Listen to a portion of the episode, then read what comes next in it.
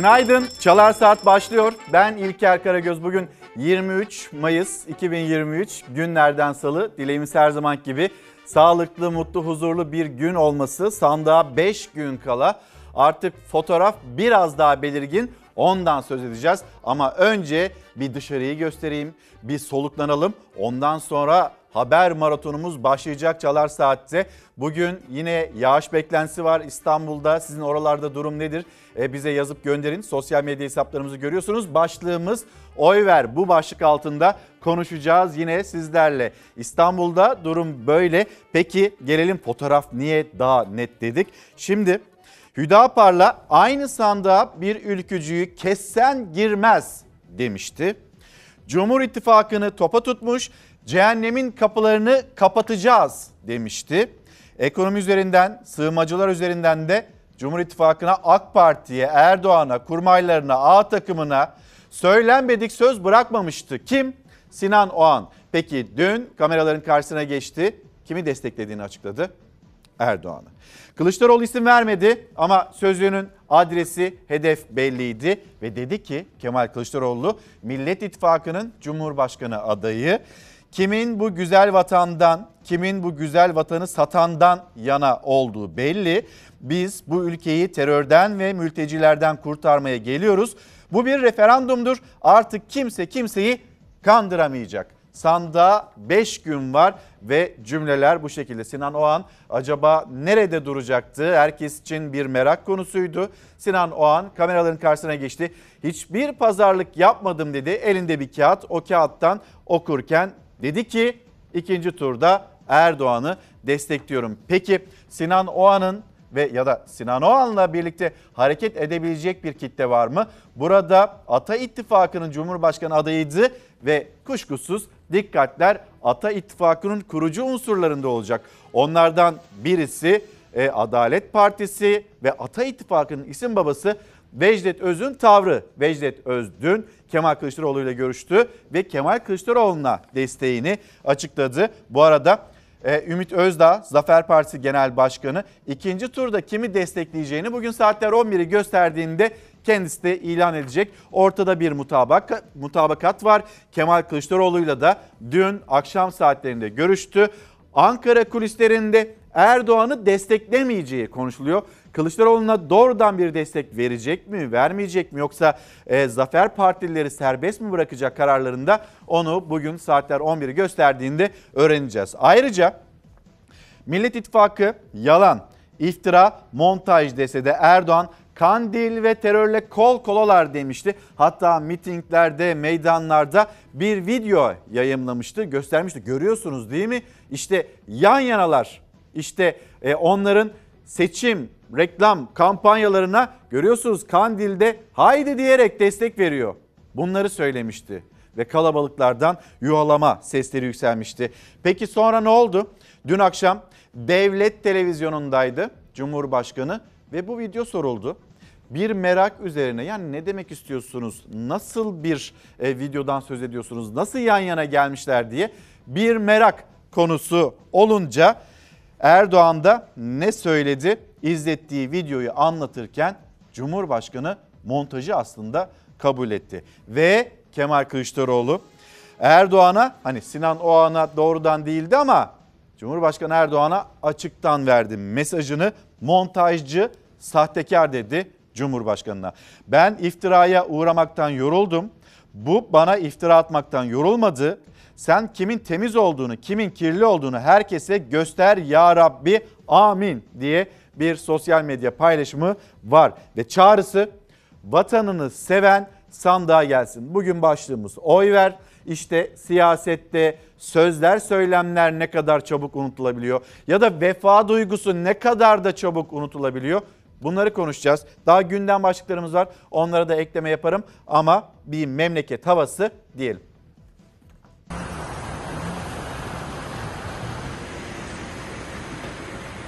Ankara'da sağanak yağış seli beraberinde getirdi. Caddeler, ev ve iş yerleri su altında kaldı. Ege, Doğu Anadolu ve Güneydoğu Anadolu'da da birçok şehirde sağanak yağış hayatı olumsuz etkiledi. Ankara genelinde başlayan sağanak yağış Elmadağ, Bala ve Mamak ilçelerinde sele neden oldu. Yollar göle döndü. Bazı araçlar yolda kalırken Ankara-Samsun karayolunda trafik kilitlendi. Ev ve iş yerlerini su bastı. Ege bölgesi de aniden bastıran yağışlardan olumsuz etkilendi. Aydın'da Nazilli ve Kuyucak sele teslim oldu. Nazilli Denizli Karayolu'nda araçlar yolda kaldı. Aydın Denizli Karayolu, Nazilli şehir merkezinde de aynı manzara oluştu. Bazı araçlar suyla dolan alt geçitlerde mahsur kaldı. Nazilli ve Kuyucak'ta sağanak yağış yarım saat sürdü ancak iki ilçeyi de adeta göle çevirdi. Can kaybı ve yaralı olmaması teselli oldu. Selde mahsur kalanlar, ev ve iş yerleri su basanlar için itfaiye ve sağlık ekiplerinin mesaisi zorlu oldu. Denizli'de sel ve su baskınlarının adresi şehir merkeziydi. Akşam saatlerinde başlayan sağanak kısa sürede sokakları, caddeleri su altında bıraktı. İtfaiye ve trafik ekipleri selin olduğu hatlarda mesaideydi. Trafik durma noktasına geldi. Birçok evi iş yerini su bastı. Muğla'da dolu yağdı. Menteşe ve Yılanlı Göktepe bölgesinde dolu yolları beyaza bürüdü. Doğu Anadolu ve Güneydoğu Anadolu'da sağanak yağışlardan kötü etkilendi. Erzincan'da karayolları çamura bulandı. Elazığ genelinde gök gürültülü sağanak yağışlar aralıklarla sürdü. Gaziantep'te yağmur doluya döndü. Hava koşullarında hazırlıksız yakalananlar güvenli yerlere sığındı. Malatya, Elazığ, Tunceli ve Erzincan çevrelerinde kuvvetli sağanak yağış etkili olacak ve Edirne, Kırklareli, Tekirdağ ile İstanbul ve Kocaeli'nin kuzey çevrelerinin de salı günü yağışlı olması bekleniyor. Meteorolojiden gelen e, uyarı bu yöndeydi. Şimdi hemen arkama sosyal medya paylaşım var. Kemal Kılıçdaroğlu'nun bu montajla ilgili Cumhurbaşkanı Erdoğan yaptığı açıklamanın hemen ardından ne söyledi? Arkamda dursun. Ben şimdi gündem notlarını hemen hızlı bir şekilde tamamlayayım. Dün gece 22 itibariyle yurt dışı temsilciliklerde ve gümrük kapılarında oy kullanan seçmen sayısı 1 milyon 466 bin 452 oldu. Yurt dışı temsilciliklerde oy verme işlemi 24 Mayıs'ta sona erecek ve gümrük kapılarında bu işlem 28 Mayıs'ta saat 17'ye kadar da devam edecek. Seçimin ertesi günü yani 29 Mayıs tarihinde okullar yine tatil olacak. Malatya Belediye Başkanı Gürkan kendisinin bir deprem yorumu var. Hemen bir hatırlatalım. İnsanoğlu ne zaman azmışsa buna benzer felaketlerle karşı karşıya kalmıştır dedi. Profesör Doktor Naci Görürse canlarımızı korumak için kılını dahi kıpırdatmayan yerel yönetici temsilcisi şimdi Malatya'nın güzel insanlarını ve ölen canlarımızı azdıkları için öldüler diye suçluyor.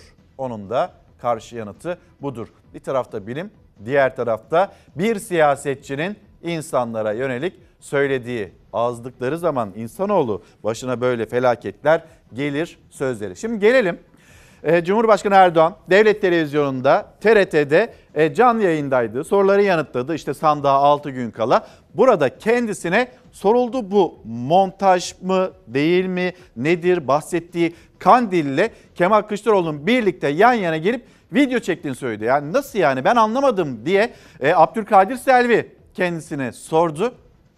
Ve Cumhurbaşkanı şunu söyledi. Kılıçdaroğlu'nun Kandil'dekilerle video çekimleri var.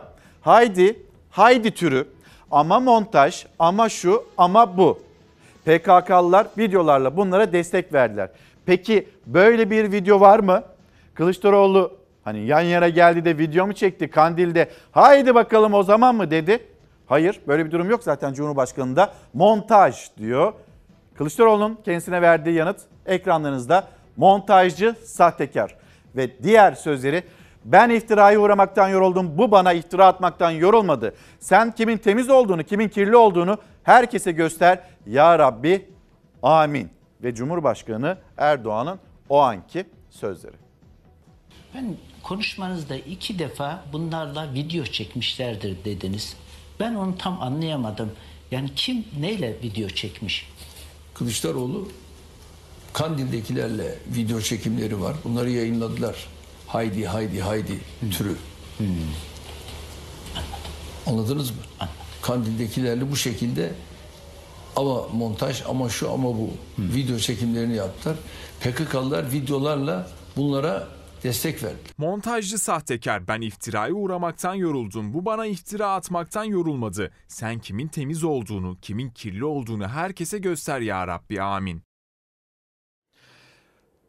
Şimdi gazetelerle ilerleyelim. Tekrar söyleyelim artık böyle 28 Mayıs seçimine doğru gidilirken karşımızda iyice belirginleşen, netleşen bir fotoğraf var, bir manzara var. Kim kiminle birlikte, kim kiminle e, nerede duruyor onları anlıyoruz. Ve daha berrak olması için bugün saatler e, 11'i gösterdiğinde Zafer Partisi Genel Başkanı Ümit Özdağ'ın cümlelerini açıklamalarında hep birlikte takip edeceğiz ve haberleştireceğiz elbette. Cumhuriyet Gazetesi büyük savrulma bir yandan karikatüre de dikkat edersiniz.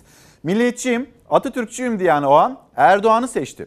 Ata İttifakı'nın Cumhurbaşkanı adayı Sinan Oğan 28 Mayıs'ta Erdoğan'ı desteklediğini açıkladı. Oysa Oğan cehennemin kapılarını kapatacağız. Bize güvenin. Her şey çok güzel olacak. Hüdapar ile Türk milliyetçileri nasıl yan yana gelebilir? Domuz bağının bu ülkeyi teslim almasına müsaade etmeyeceğiz diyerek oy istemişti. 2.8 milyon oya ulaşan Ata İttifakı'nda yer alan Zafer Partisi lideri Ümit Özdağ o an için kendi politik tercihi bizi temsil etmiyor dedi Özdağ. Dün önce AK Parti Genel Başkan Vekili Numan Kurtulmuş'la bir, ara, bir araya geldi ardından Cumhurbaşkanı adayı Kılıçdaroğlu ile görüşüp şartlarını sundu. Özdağ kararını bugün duyuracak. Peki 28 Mayıs'ta kimler kaybeder? Bir yandan da karikatürü görüyorsunuz sizler de. E, bu haberi okuyalım. Demokratik rejim kaybedecek. Laiklik kaybedecek. Adalet kaybedecek. Bağımsızlık kaybedecek. Ekonomi kaybedecek.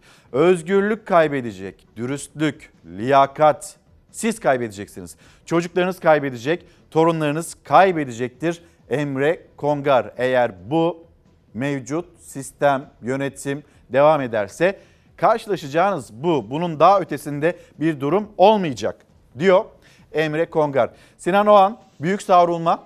Cumhuriyet Gazetesi'nin manşeti diğer gazetelerden de ele alacağız elbette. Diğer gazeteler hatta hükümete yakın gazeteler nasıl değerlendirdi Sinan Oğan'ın cümlelerini? Daha önce ismi bile anılmayan hatta Erdoğan'ın mitinglerde ismini dahi anmadığı Sinan Oğan ile ilgili o gazeteler neler yazdı, neler söyledi onları da okuyacağız. Birlikte de değerlendiririz. Başlığımız oy ver. Kim nerede duruyor o artık böyle pek de bir önem arz etmiyor. Ve seçmen burada bir karar verecek. Oyunu da gidecek, kullanacak. Sonra bu ülkenin, bu memleketin, bu memleketin insanlarının nasıl yönetilmesi gerektiğini, ekonominin nasıl olması gerektiğini, bir siyasetin dün söylediğini unutan bugün unutan e, bir siyasetin ya da siyasetçinin artık nerede durması gerektiğini siz söyleyeceksiniz. Vereceğiniz oylarla bunun kararı sizde, burada mühür sizde. Ve gelelim Sinan Oğan aldığı karar ve tepkiler. Seçimlerin ikinci turunda Cumhur İttifakı adayı Sayın Recep Tayyip Erdoğan'ı destekleyeceğimizi beyan ediyorum. Sinan Bey ile aramızda bu tür bir pazarlık kesinlikle olmadı. Sinan Bey e, duruşuyla, bugünkü açıklamasıyla zaten tavrını ortaya tam manasıyla koymuş vaziyette. Kendisine şahsım, bütün yol arkadaşlarım adına teşekkür ediyorum. değerlendirmeyi yapacak olan Sayın Oğan'a 5.3 oy vermiş seçmendir. Bu seçmenler sadece Sayın Oğan'ın şu hareketi yapmasıyla Sayın Erdoğan'ı desteklemeye mi gideceklerdir?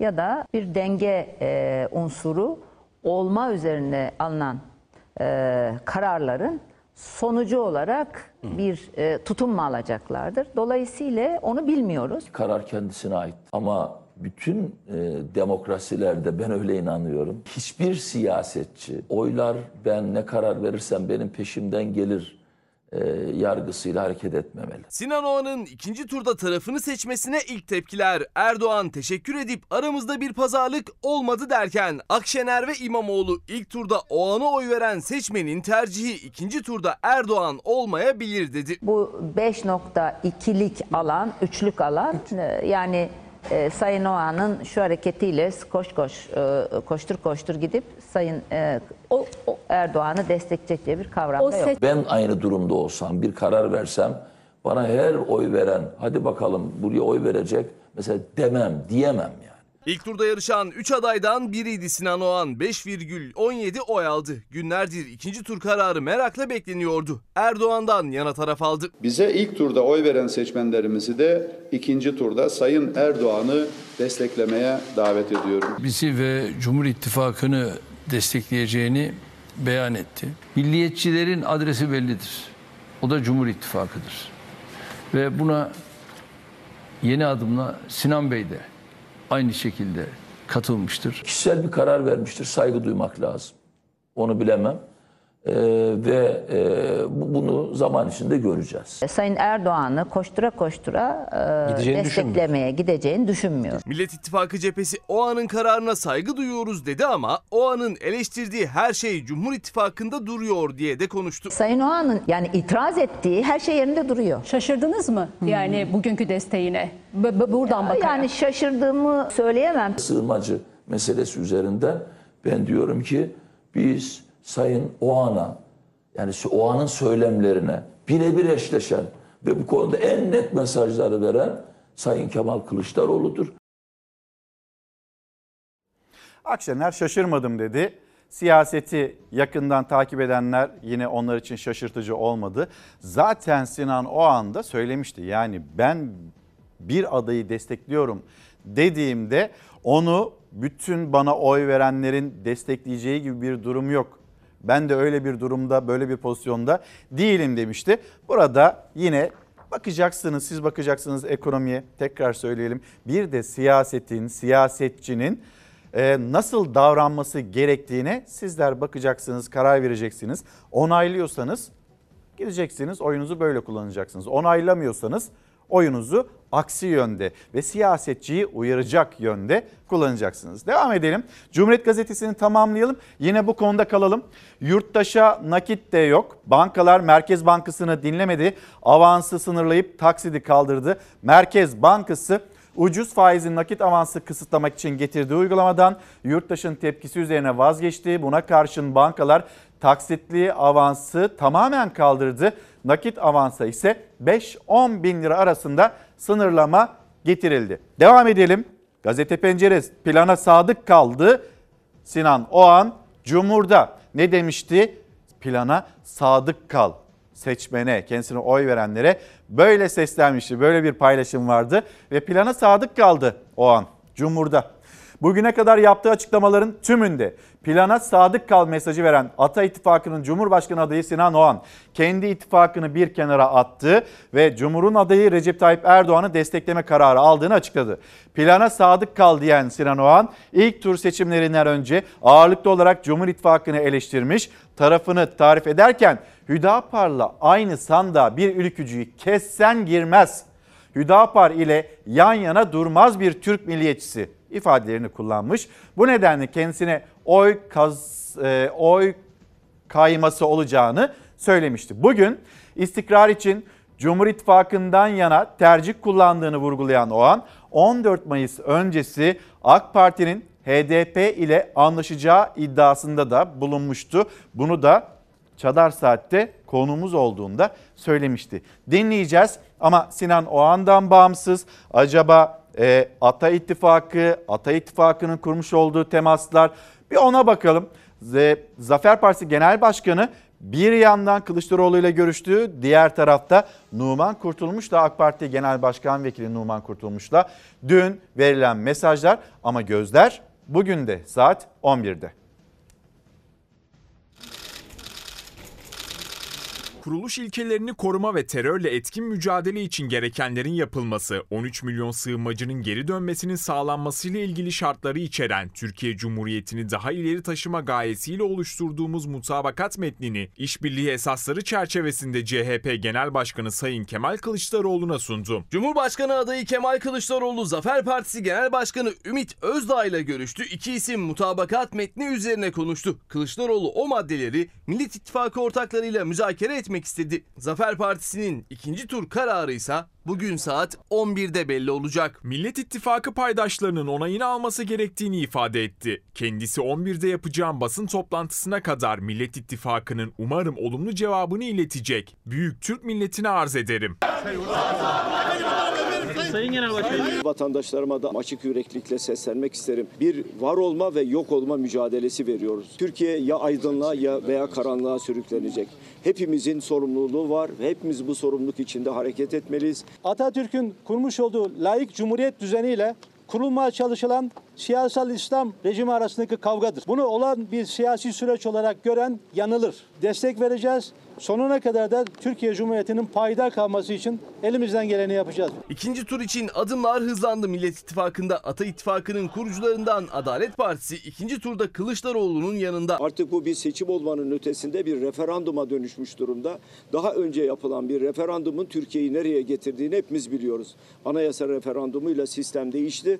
O sistemin Türkiye'ye büyük felaketler getirdiğini görüyoruz. Artık bu yapının değişmesi lazım, sistemin değişmesi lazım. 14 Mayıs'ın ardından ikinci tur için kurduğu her cümlesinde 28 Mayıs için bir seçim değil referandum diyor Millet İttifakı'nın adayı Kılıçdaroğlu. Sinan Oğan'ın kendi yol haritasını belirlemesi sonrası Ata İttifakı dağıldı. İttifakın isim babası Adalet Partisi Genel Başkanı Vecdet Öz ikinci turda Kılıçdaroğlu'nu destekleyeceklerini açıkladı. Amacımız Cumhuriyet'in yıpranan değerlerini tekrar yeniden tesis etmekti. Demokrasinin devam etmesi için bizler kararımızı verdik. Genel İdare Kurulumuzu topladık. Sayın Kemal Kılıçdaroğlu'nun şahsına destek kararı çıktı. Bu karar oy birliğiyle çıkmıştır. Ayın 28'inde bütün vatandaşlarımı, bütün vatanseverleri sandığa davet ediyorum. Gelin oylarınızı kullanın ve Türkiye'nin kaderini değiştirelim. Şimdi geldik maçın ikinci yarısına. Bu ikinci yarısında birlik beraberlik içerisinde yürüyeceğiz. Bizler Atatürkçü, Türk milliyetçisi, müdafaa hukuk hareketiyiz. Keşke Yunan kazansaydı, duyanların tabutuna omuz verenlere bu ülkeyi teslim etmeyeceğiz.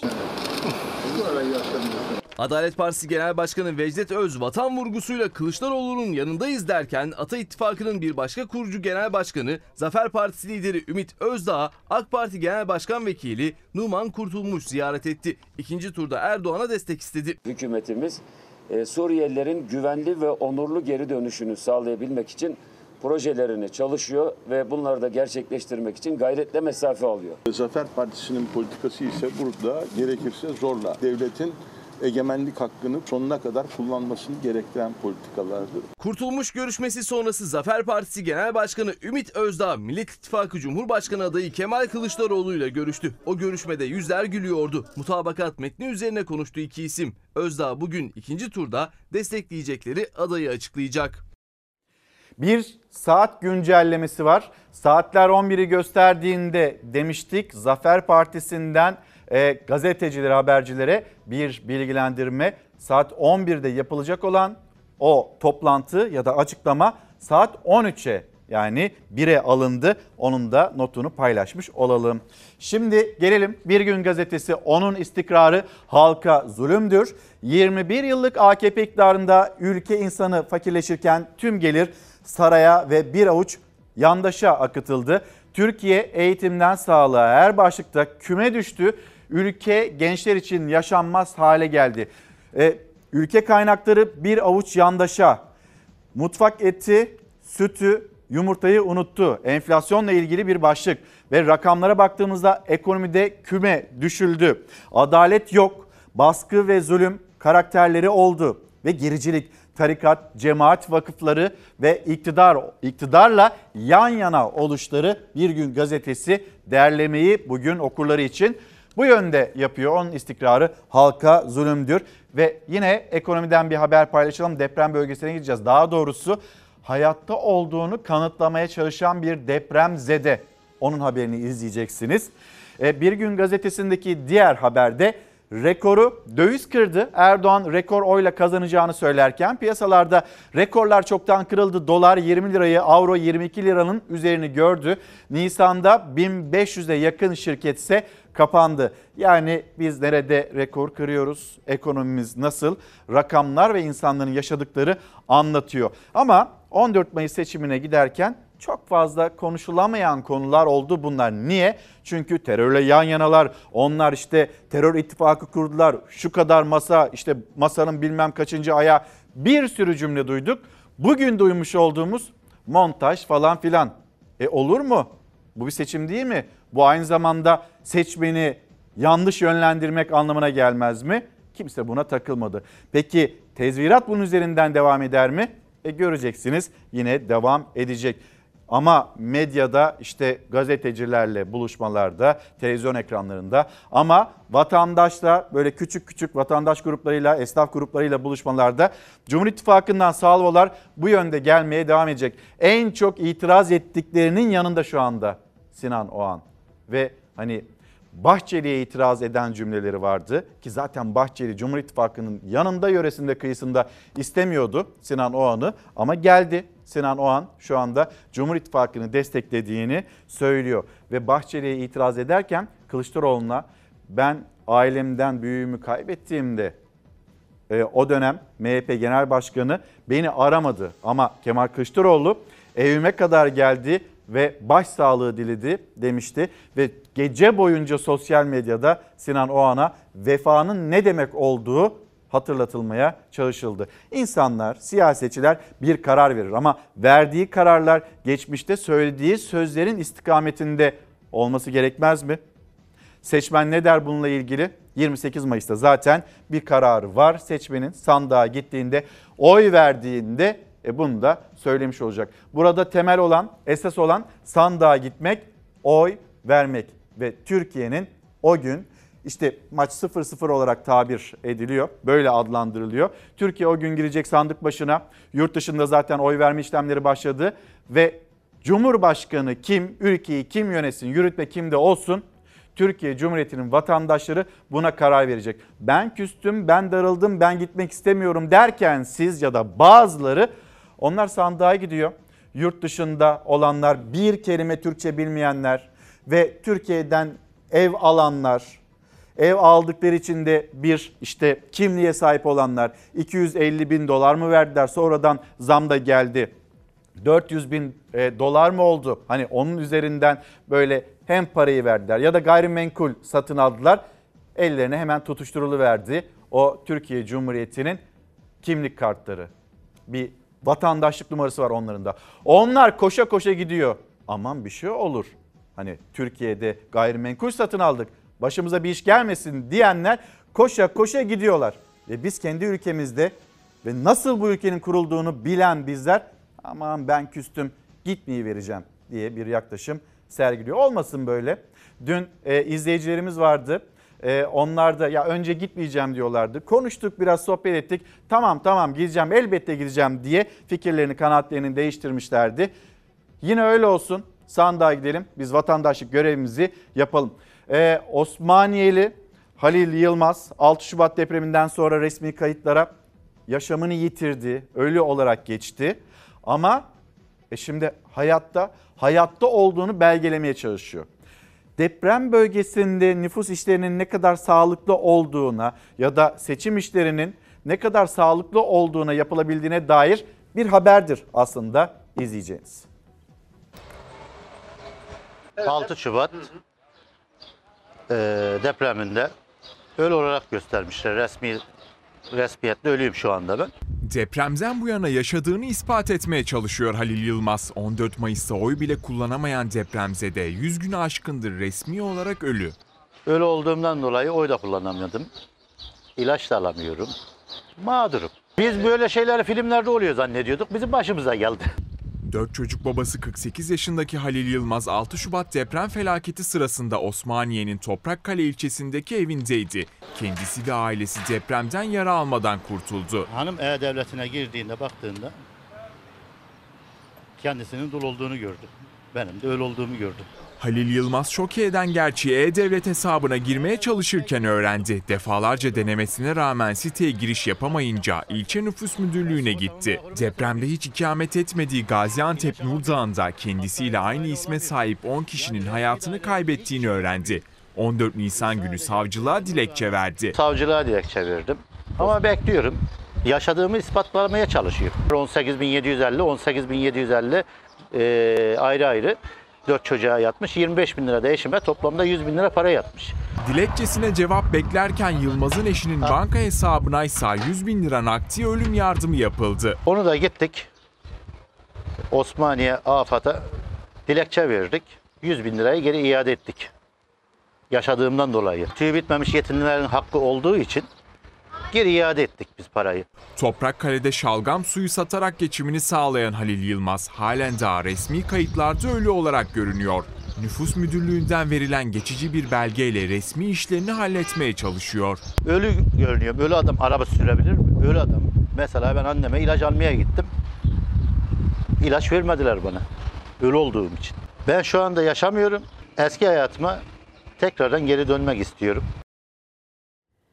Gündeme geri döneceğiz. Siyaset gündemine ve elbette ekonomi gündemine. Sizlerden gelen mesajlara da bakayım birazdan. Ama önce İstanbul Esenyurt'tayız. Bir düğün konvoyu mu ya da burası bir savaş yeri mi anlayamadığımız, eğlenmeyi de bilmediğimizi bir kez daha önümüze koyan haber.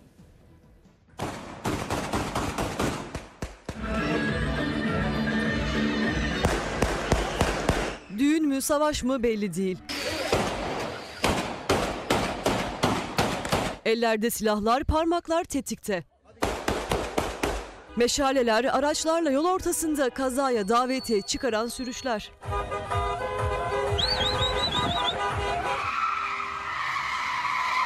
İstanbul'da Esenyurt'ta gelin alma töreni. Konvoyla gelinin evine giden damat eline aldığı av tüfeğiyle mahalle içinde havaya defalarca ateş açtı. Etrafında kim var kim yok umursamadı. Gelini aldıktan sonra düğün konvoyu bu kez de trafiği birbirine kattı yine silahlar ateşlendi. Ve çok normalmiş gibi o anları dakika dakika kaydedenler bu görüntüleri sosyal medyadan paylaştı.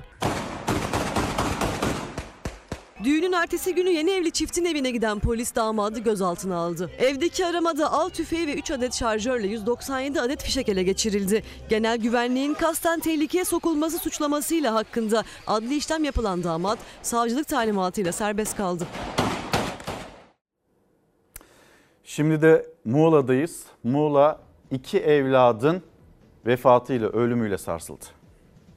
Yakınları, anneler, babalar Muğla'nın Bodrum ilçesinde 6 aylık bebek ve 6 yaşındaki ablasının yaşamını yitirdiği kahreden olayda ilaçlama şirketinin sahibi tutuklandı.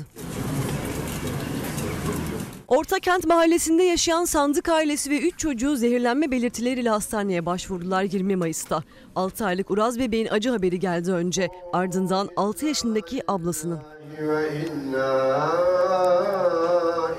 O gün yemekte tavuk yemişlerdi. 6 aylık bebeğin ise emzirme sonucu zehirlendiği düşünüldü ancak ölümlere yol açan gerçek sebep sonradan ortaya çıktı. Evi haşerelere karşı ilaçlaması için bir ilaç şirketini aradı baba Alp Sandık. Eve gelen kişinin evi tarım ilacıyla ilaçladığı ortaya çıktı. Allahu Ekber. Evi ilaçlayan firma sahibi Halil Kahraman taksirle birden fazla kişinin ölümüne yol açmak suçuyla tutuklandı.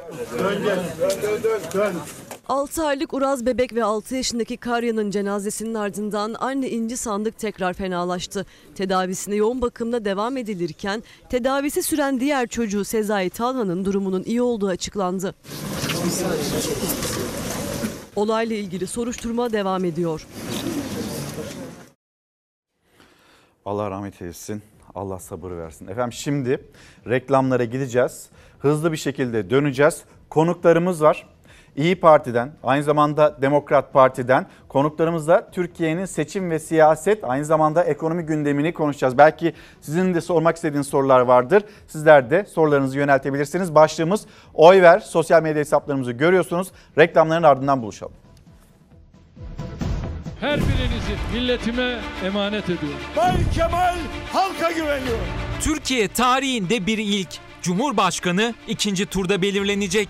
28 Mayıs'ta iki adaylı sandığa gidiyor seçmen. Akşamsa gözlerin çevrildiği ekran yine Fox olacak. İlk veriler gelmeye başladı. Diğer iller hepsini tek tek paylaşacağız. 14 Mayıs'ta olduğu gibi Fox izleyiciye en net ve anlaşılır ekranı sunacak. Oy sayımına başlandı. Gülbin Tosun'la ana haberden sonra seçim sonuçlarını İlker Karagöz ve Selçuk Tepeli aktaracak. Kamuoyu araştırmacısı Bekir Ağırdır ilk gelen verilerle seçimin sonucunu yorumlayacak. Siz topu çevirmeye devam edin. Topu çevirelim, arada analizler içeyim. Murat Yetkin, Toplamda az görünüyor. Çiğdem Toker, kendi lehine kullanma eğiliminde oluyor. Nevşin Mengü, Kendi oyunu konsolide etmiş olması Deniz Zeyrek, Herkes sandığa taşıma gibi bir gayret olabilir. deneyimli gazeteciler 13. Cumhurbaşkanının belirleneceği akşam seçimi ve sonrasını analiz edecek. Normal bir durum değil. Bu gece uzun olacak. Fox Haber Genel Yayın Yönetmeni Doğan Şentürk ve Fox Haber Ankara temsilcisi Tülay Ünal Öç'ten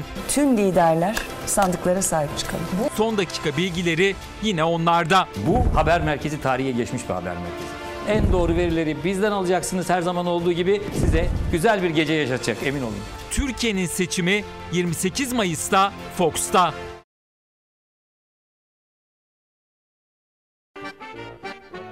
Efendim bir kez daha günaydın. Devam ediyoruz. İyi Parti'den misafirimiz geldi ilk olarak. Genel Başkan Başdanışmanı Turan Çömez şu anda Çalar Saat'te. Günaydın. Günaydın. Hoş geldiniz. Hoş bulduk, teşekkürler. 14 Mayıs yorucu oldu. Yani Çok. vaatlerinizi anlatmanın ötesinde karşılaştığınız hani propagandalar oldu. Nasıl geçti size anlatır mısınız? Yani sokakta işte bunlar terörle yan yanalar, bunlarla Kandil'le birlikteler. Neler söylendi size? Siz ne yanıt verdiniz? Aslında çok yoğun bir kampanya oldu. Biz e, birebir çalışmayı tercih ettik. E, Fakat karşımızda bir yalan rüzgarı vardı. Hatta yalan fır- fırtınası vardı. İftira vardı, dedikodu vardı.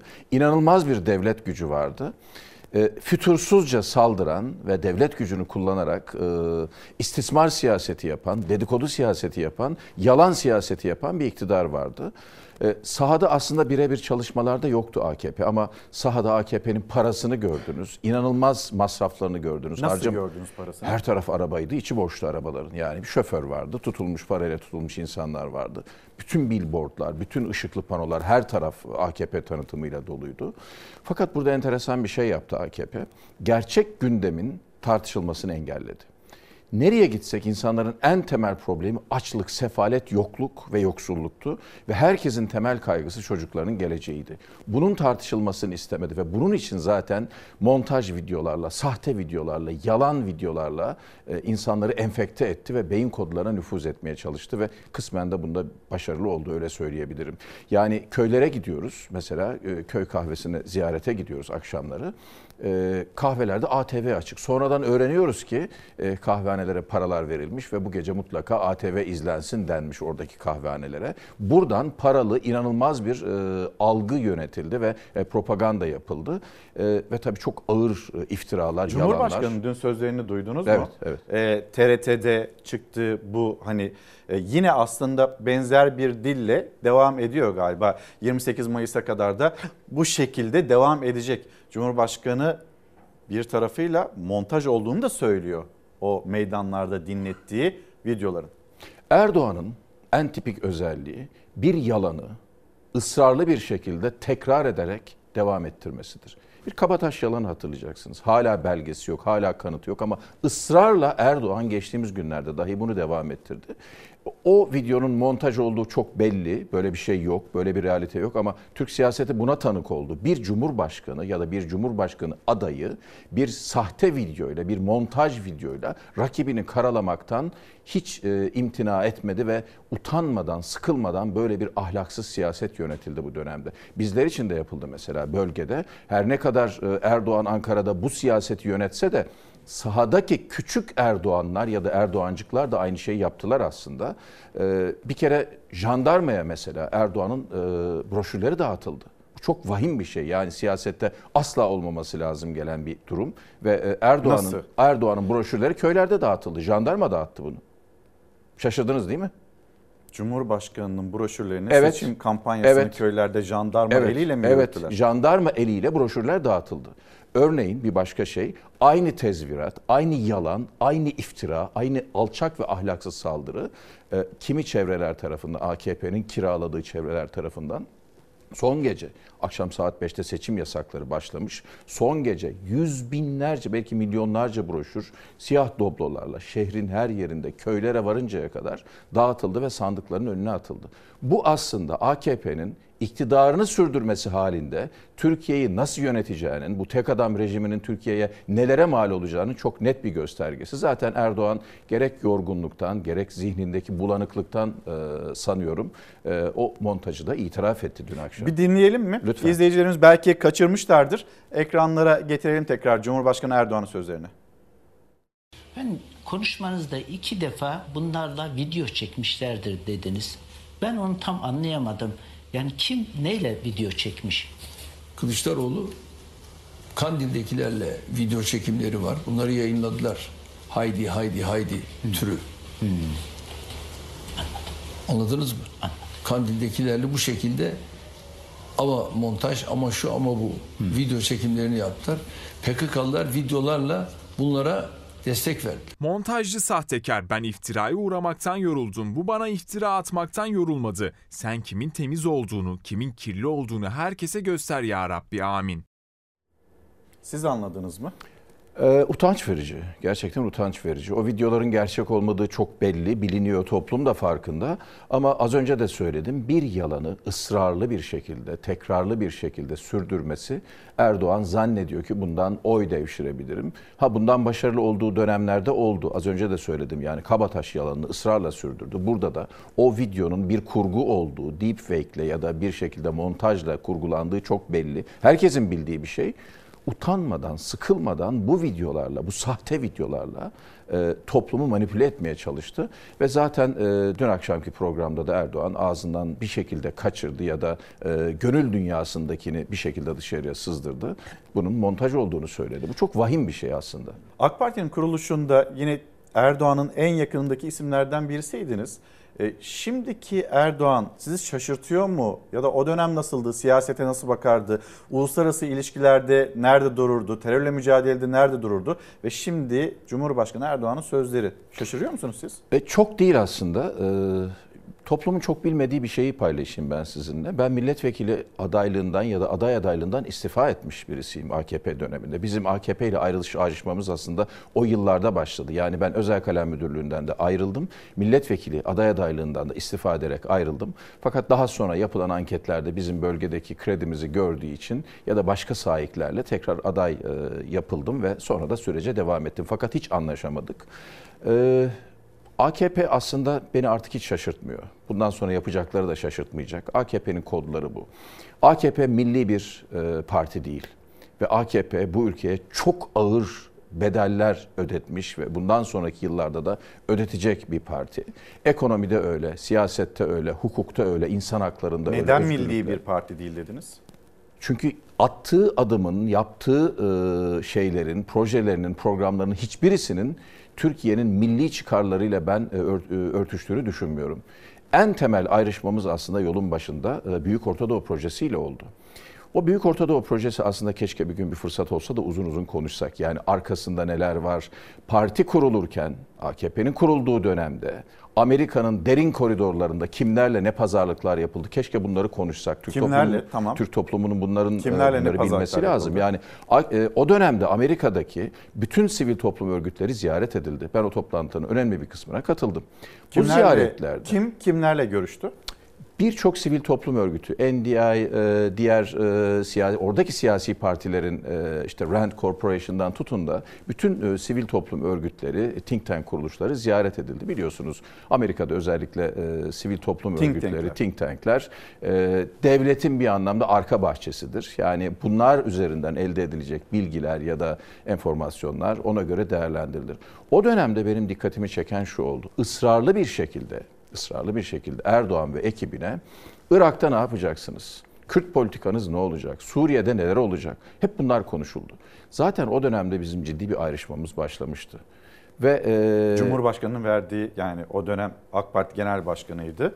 Verdiği yanıt neydi? Hep Amerika'nın arzu ettiği. AK Parti kurulmadan mı? Tabii kurulmadan da bu ziyaretler oldu. Kurulduktan sonra da bu ziyaretler oldu ve AKP o dönemde e, açıkçası çok milli bir siyaset yapmayacağının işaretlerini vermişti ve ayrışmamız o yıllarda başlamıştı, o dönemde başlamıştı.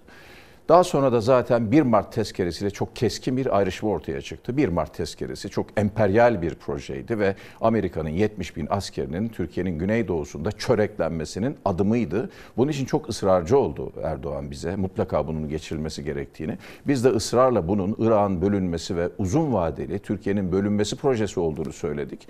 Ve e, daha sonra hatırlayacaksınız Erdoğan ben Büyük Ortadoğu Projesi'nin e, eş başkanıyım dedi. Bugün Türkiye'nin içinde yaşadığı mülteci probleminin arkasında da bu Büyük Ortadoğu Projesi'nin eş başkanı olması vardır. Bu gerçek vardır. Bugün Türkiye'deki 10 milyona varan Erdoğan her ne kadar 5-6 milyon dese de gerçek rakamın 10 milyon olduğu tahmin ediliyor. Mültecilerin arkasında yatan şey Büyük Ortadoğu Projesi'dir. Onlar sadece bir savaş kaçkını değildir. Kurgulanmış bir projedir ve maalesef maalesef AKP bu projenin e, bir uygulayıcısı oldu. Devamı ne bu projenin? Ben e, büyük endişe duyuyorum açıkçası. Yani mülteci problemi bir insani problem değildir. Bakın hakikaten savaştan kaçmış insanlar olabilir. Ama siz eğer 500 bine yakın Afganlıyı getiriyorsanız bu Afganlıları getirirken Amerika'nın derin koridorlarında pazarlıklar yapılıyorsa, Amerika için savaşmış olan bu askerler Amerika adına Türkiye'de tutuluyorsa, burada muhafaza ediliyorsa ben bunun arkasında iyi niyet aramam. Bu ağır bir e, sorumluluk, Ne ciddi bir sorumluluk.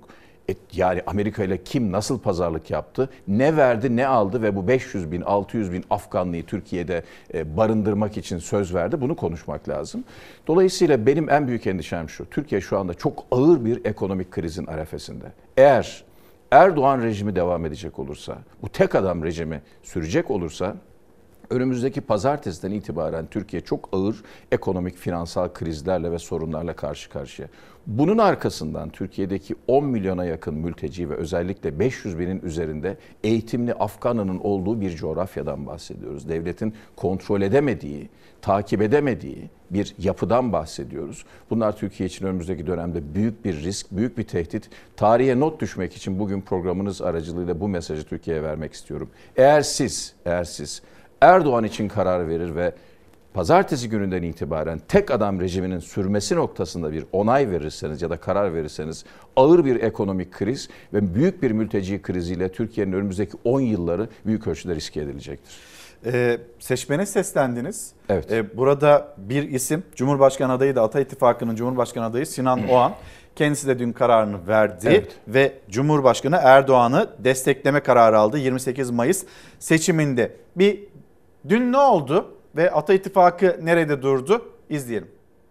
Seçimlerin ikinci turunda Cumhur İttifakı adayı Sayın Recep Tayyip Erdoğan'ı destekleyeceğimizi beyan ediyorum. Sinan Oğan Cumhurbaşkanlığının ikinci tur seçiminde tarafını Erdoğan'dan yana seçti. İlk tur kampanyasında Erdoğan Oğan'ı adaylar arasında dahi saymamıştı. Öte tarafta gel Muharrem bulunuyor. Beri taraftakini saymaya gerek bile yok. Bize ilk turda oy veren seçmenlerimizi de ikinci turda Sayın Erdoğan'ı desteklemeye davet ediyorum. İlk turda 5,17 oy aldı Sinan Oğan. Geçtiğimiz hafta salı akşamı Millet İttifakı'nın adayı Kemal Kılıçdaroğlu ile görüştü. İki gün sonra Cumhurbaşkanı Erdoğan'la ikinci turda nasıl bir tavır alacağı tartışılırken Cumhur İttifakı ortağı MHP lideri Bahçeli Sinan Oğan'a fırsatçı aciz dedi. Olmayan siyasi gücünü varmış gibi gösterip siyaseti at pazarına çevirenler, kamuoyuyla gün aşırı talep listeleri paylaşanlar, samimi olmadığı gibi milli ve ahlaki değerlerle ters düşen fırsatçı acizlerdir. Biz hiçbir zeminde pazarlık yapmadık.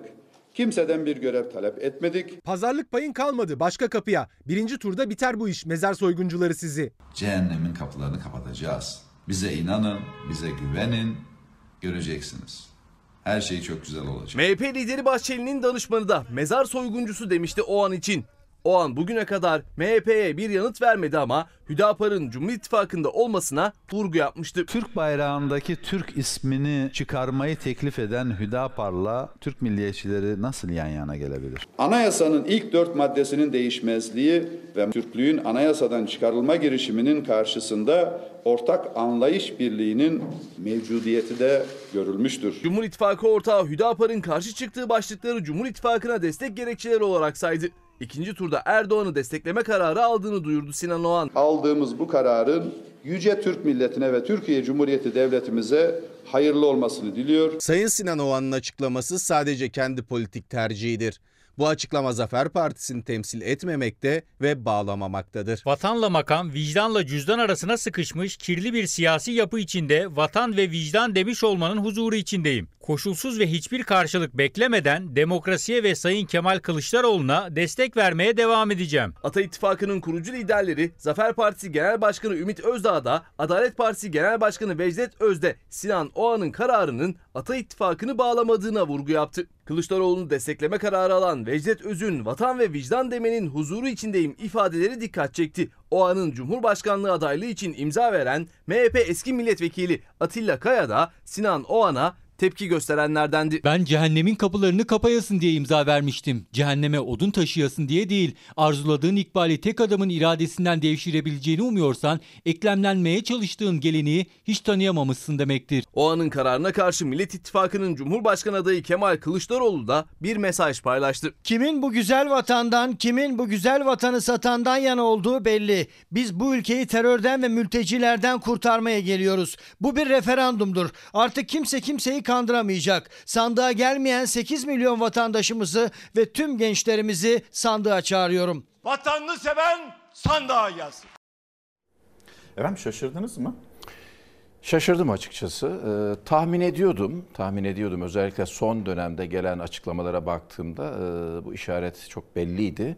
E, fakat ben Sinan Bey'le e, bir süre önce Bandırma'da benim e, bölgemde görüştüm. E, oraya kampanya için geldiğinde e, aradı. Tanışır mısınız eskiden? Tabii tabii eskiden çok uzun yıllardır e, nikahında bulundum. E, o dönemde milletvekiliydim ben. Sayın Bahçeli de... Ha, düğününe gittiniz. Tabii tabii Sayın Bahçeli de vardı. E, çok eski bir arkadaşım. Tabii Bandırma'ya gelince de e, tam da benim evimin bulunduğu yerde e, bir kahve içtik beraber. E, sohbet ettik. Aslında tabii özel bir görüşmeydi. Detayına girmeyeceğim. Orada edindiğim intiba e, Sinan Bey'in asla ve asla AKP ile şartlar ne olursa olsun birlikte olmayacağı şeklindeydi. Zaten e, o kadar çok mesaj Yani verdi ki. Söylediklerinin Evet. üzerine edindiğiniz intiba. Evet, bendeki yani kanaat o Erdoğan'ı. Cumhur İttifakı'nı Evet. hedef alan Evet, sert evet, sözlerim evet. oldu. Birebir e, o konuşmanın detayını vermek istemem E, ama bendeki intiba o yöndeydi. Yani verdiği mesaj ve yaptığımız konuşmadan edindiğim intiba o yöndeydi. Fakat ardından gelen mesajlar, açıklamalar, duruş ve tavır dedim ki AKP burada da başarılı oldu. Çünkü AKP'nin e, bana göre en başarılı olduğu şeylerden bir tanesi e, insan devşirme kabiliyeti ve kapasitesi. E, Birçok insanın nasıl devşirdiğini Türk kamuoyu biliyor.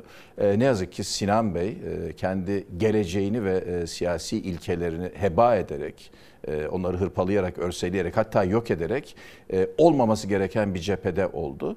Tabii e, destekliyorum Bir dedi. pazarlık yok dedi. Cumhurbaşkanı hiçbir pazarlık yapılmadı Bilmiyoruz, dedi. Bilmiyoruz. Yani bir pazarlık var yok. Bunu zaman gösterecek. Önümüzdeki aylar ve yıllar gösterecek. Tabii ki Erdoğan kazanır mı kazanmaz mı bilmiyorum. Ben hala Sayın Kılıçdaroğlu'nun büyük ölçüde önde olduğunu biliyorum. Buna inanıyorum.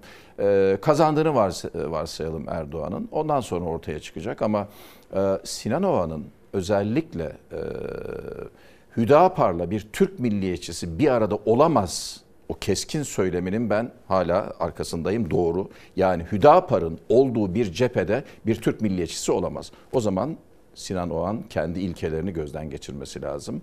Bu lafı söyleyen birisi o zaman Türk milliyetçiliği konusundaki kendi duygularını, düşüncelerini ve duruşunu gözden geçirmesi lazım.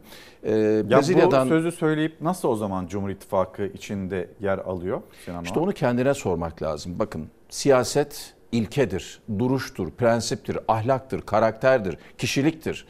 Ee, bir inancınız vardır, bir dünya görüşünüz vardır. Zaman zaman bunlar da küçük revizyonlar olabilir. Dünyanın güncel şartlarına göre siz de düşünce yapınızı değiştirirsiniz. Ama böyle bir büyük bir kayış varsa orada e, ciddi manada kendinizi sorgulamanız gerekir.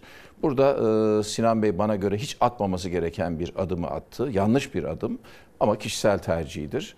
E, fakat kendi taraftarlarını ya da kendisine oy vermiş 5 milyonun üzerindeki e, seçmeni ben oraya taşıyacağına inanmıyorum. Seçmen onun bir hareketiyle oraya geçebilecek e, bir seçmen değil. O aslında oy veren kişiler büyük bir tepki, büyük bir kızgınlıkla o oyu verdiler. Bugün onun başka bir şekilde kızgınlığa dönüşme ihtimali var. Bunu görüyorum sokaktan. Çünkü Sinan Bey'in bu tavrı aslında e, seçmene bir anlamda e, ihanet demeyeceğim ağır bir kelime olur ama seçmenin e, takındığı tavra karşı bir yanlış hamle oldu.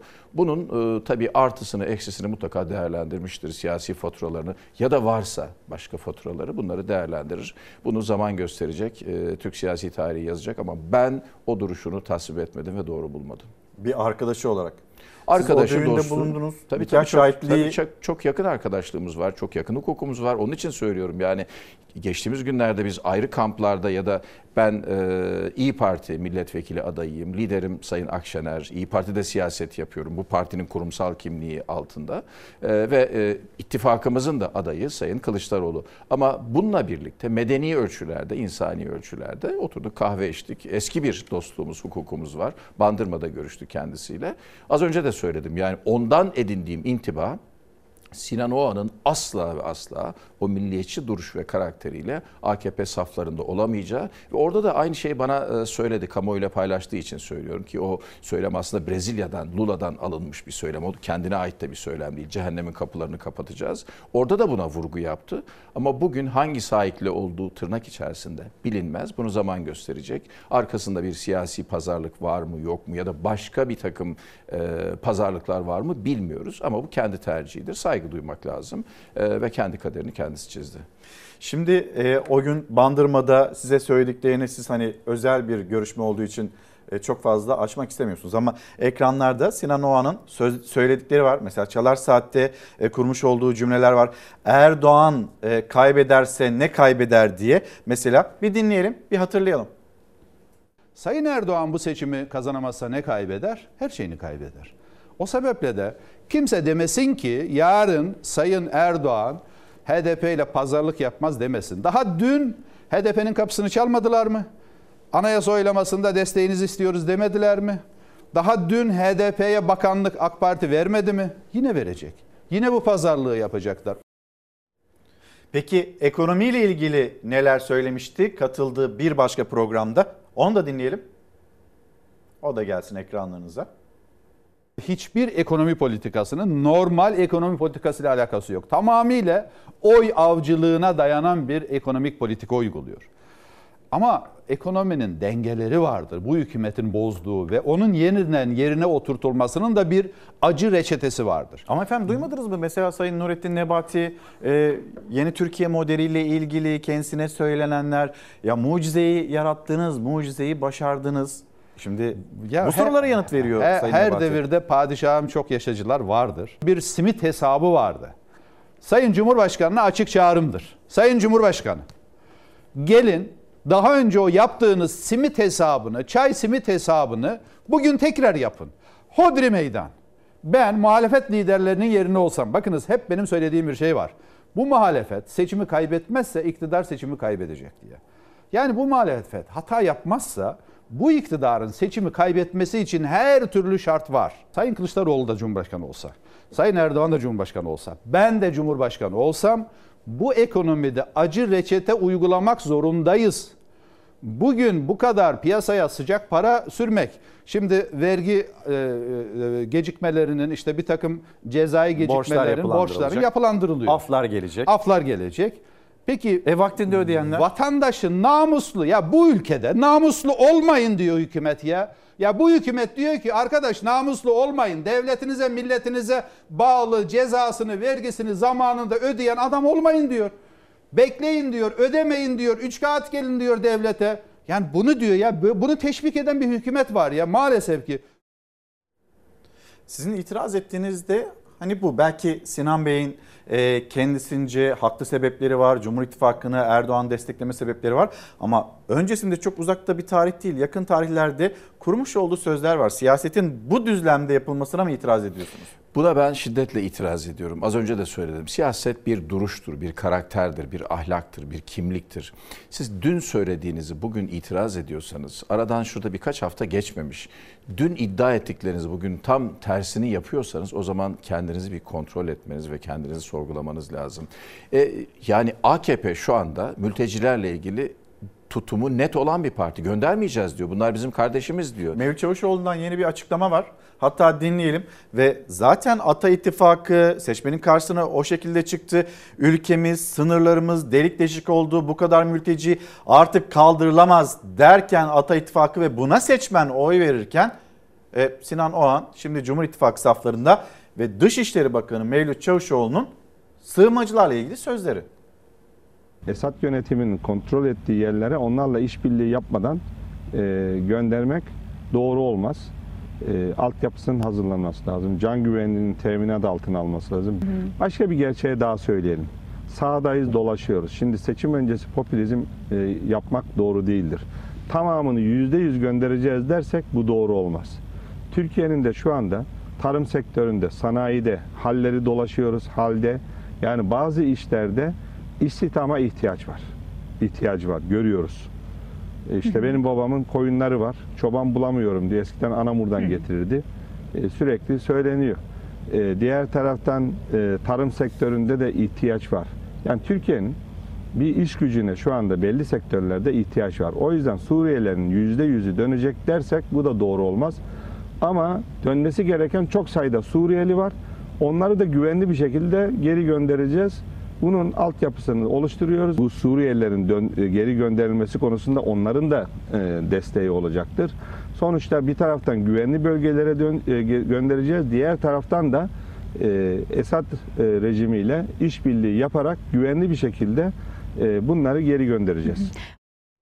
Sayın Sinan Oğan bir takvimden söz etti ve o takvim içinde sığınmacıların ülkelerine gönderileceği Erdoğan'la görüşmesinden çıkan sonuç buydu Sonra ama da şunu ekledi. Her AKP'li ailesine bir e, evine bir Suriyeli aile alsın dedi. Herhalde Sayın Oğan önce Erdoğan'a diyecek artık biz beraberiz sana destek oluyorum ortağız. Hadi bakalım önce sen saraya birkaç Suriyeli aile al sonra da ben alayım diyecek herhalde. Çünkü eğer siyaset ahlaksa, erdemse, bir duruşsa bunu yapması lazım. Çünkü bunu önerdi AKP'ye. Fakat bugün gitti AKP ile beraber. Şimdi e, e, Dışişleri Bakanı'nın söylemi hakikaten üzülerek izledim. Utanç verici bir açıklama. Siz Türk tarımını çökertmiş bir ekipsiniz. Şu anda Türk tarımı can çekişiyor. Gıda fiyatları almış başını gitmiş. Hayvancılık can çekişiyor. Bunun temel sorumlusu sizsiniz. Bakın yılda 2 milyar dolara yakın e, Türkiye'de Türk tarımına bir teşvik veriyorsunuz. Ve bu teşvik aslında Türk tarımının ihtiyacının çok ötesinde. Sadece Kuzey Irak'tan yapılan petrol kaçakçılığı ticaret demiyorum ki Erdoğan'ın ailesi var onun içerisinde. 10 milyar dolar ceplerine indirdiler. Bunun cezasını biz Türk milleti olarak 1,5 milyar dolar önümüzdeki günlerde ödeyeceğiz. Türk tarımı sizin beceriksizliğiniz, aymazlığınız ve çapsızlığınızla bu hale geldi. Bakın ben köyleri dolaştım. Balıkesir'de binin üzerinde köy var. Sinan Bey de ben tarlada doğdum. Çiftçi çocuğuyum. Çiftçiliğin ne olduğunu bilirim. Ee, ne kadar zor durumda olduğunu da biliyorum diye o açıklamaları da var. Dinleyelim mi? Tabii, Onu da lütfen. dinleyelim. Tabii. Buyurun. O vaatleri duyduğunuzda gülümsediniz, gülümseyerek izlediniz. Neden? Ee, Sayın Erdoğan 20 senede bu vaatleri yapamamışsa bir 20 sene daha verseniz yine yapamaz. Çünkü bir insanın ömründe 20 sene çok önemli bir süre. Ve hele hele bir iktidarın ömründe 20 sene muazzam bir süre. 20 sene boyunca bunları yapamayan birisi değil 20 sene 200 sene de iktidarda kalsa yapamaz. Bitmiştir o sayfa. Hiçbir zaman tarım ve hayvancılık bu kadar bitirilme noktasına gelmedi. Tarım Bakanı, Sayın Tarım Bakanı hani hocadır ben onu daha aklı başında, daha aklı selim biliyordum. Yani bu nasıl bir açıklamadır ya? Çiftçi çok iyi kazanıyor. Yani soğanın pahalı olması çiftçinin çok iyi kazandığı anlamına geldiğini bilmiyor mu? İnsanlar savaş gemisi, insanlar duble yol yiyemiyorlar. İnsanlar soğan yiyorlar. Melemene soğan doğramak istiyor insanlar. Yani bunu nasıl anlamıyorsunuz? Vatandaşa soğanı vereceksin ya. Soğan nedir ya? Ya biz 21. yüzyılda deli olacağım ya. Soğanı tartışıyoruz ya. Soğan yok. Soğan tane tanesi 12 lira ya. Biz neyi tartışıyoruz arkadaşlar ya? Biz hangi çağdayız? Hangi devirdeyiz? Onun için, onun için bu kafa Sovyet kafası ve yanlış bir kafa. Demişti. Evet. Yanlış bir kafa doğru ama bugün Sinan Oğan o yanlış kafayla beraber olmayı tercih etti. Konuştuk. Şimdi tarımla ilgili e, konuşuyorduk. Yani Dışişleri Bakanı'nın Türkiye'yi işgal etmiş 10 milyon mülteciyle ilgili tarımda ihtiyacımız var canım şeklinde bir açıklaması utanç vericidir ve AKP'nin içine düştüğü durumun net bir göstergesidir. Tarım can çekişiyor doğru ama bunun tek müsebbibi sizsiniz. Bugün eğer Türk milleti kıymayı 350 liraya yiyorsa bunun sorumlusu sizsiniz. Çünkü aymaz bir hayvancılık politikası. Geçtiğimiz günlerde işte kamuoyuna e, açıklandı, ifşa edildi. Tarım Bakanlığı'nda dönen o korkunç kirli ilişkiler ortaya kondu. Hay, canlı hayvan ithalatı, ardından karkas et ithalatı, hayvancılık planlı bir şekilde çökertildi. Tarım planlı bir şekilde çökertildi. Eğer bu kafa devam etsin, bu anlayış devam etsin, biz önümüzdeki sonbahardan itibaren şu anda tükettiğimiz gıdayı iki katına tüket etmek zorunda kalacağız. Tarihe not düşmek için söylüyorum. Dünyanın en pahalı şehirlerinden bir tanesidir Londra. Londra'da kıyma 140 lira İlker Bey. Benim ülkemde dünyanın en mümbit coğrafyasında asgari ücretin 8500 lira olduğu bir yerde ki Londra'da asgari ücret 45 bin liradır kabaca. Orada 140 lira kıyma benim ülkemde 350 lira. Bunun tek müsebbibi bu ülkeyi berbat bir şekilde yöneten ve yolsuzluk girdabında bu ülkeyi e, mahveden AKP iktidarıdır. Tabii yani Dışişleri Bakanlığı'nın bu göç politikası ile ilgili rasyonel bir açıklama, mantıklı bir izah ve çözüm üretmesi gerekirken maalesef kendisi işte tarımda ihtiyacımız var diyerek son derece ilkel, sığ ve yetersiz açıklamalarla süreci yönetmeye çalışıyor. Bakın Türkiye'nin çok büyük problemleri var.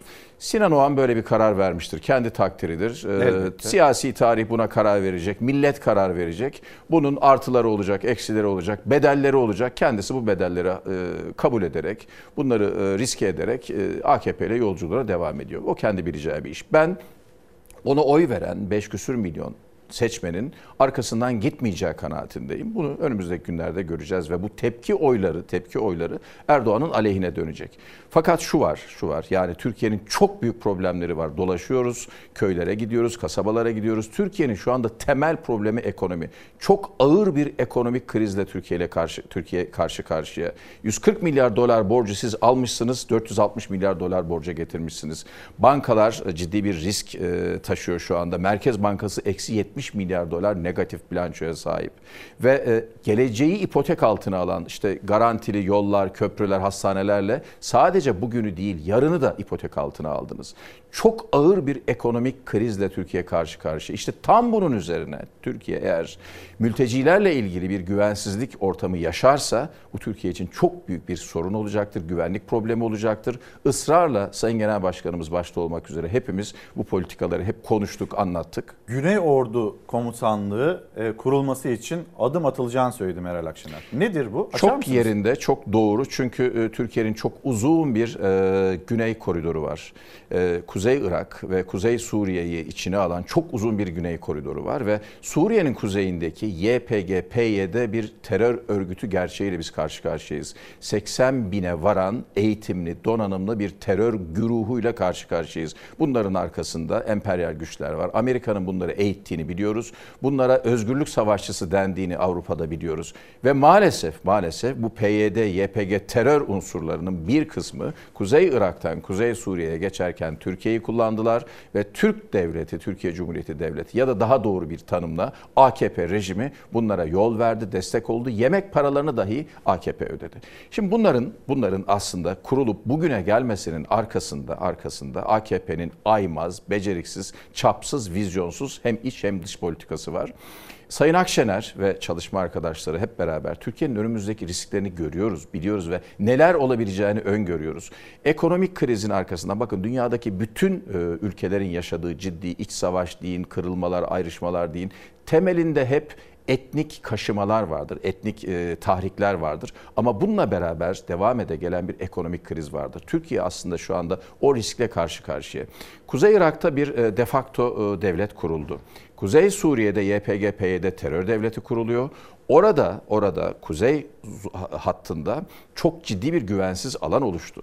Tüm bunlar bizim önümüzdeki aylarda ve yıllarda büyük bir risk taşıdığımızın bir göstergesi. Bunu öngördüğü için Sayın Genel Başkanımız bununla ilgili e, partide son derece deneyimli güvenlik uzmanları var, e, askerler var. Her meslekten arkadaşımız var. Askerler de var.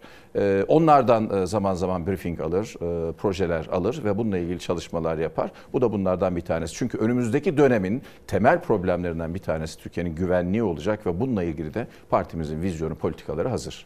E, Turan Bey şimdi e, AK Parti ile ilgili, Cumhur İttifakı'nın yaklaşımı ile ilgili tabii siz de çok sert sözler söylüyorsunuz ama bir de karşımızda e, 14 Mayıs'ta oluşmuş bir e, Türkiye Büyük Millet Meclisi tablosu var. Sandalye sayısında e, Cumhur İttifakı Evet.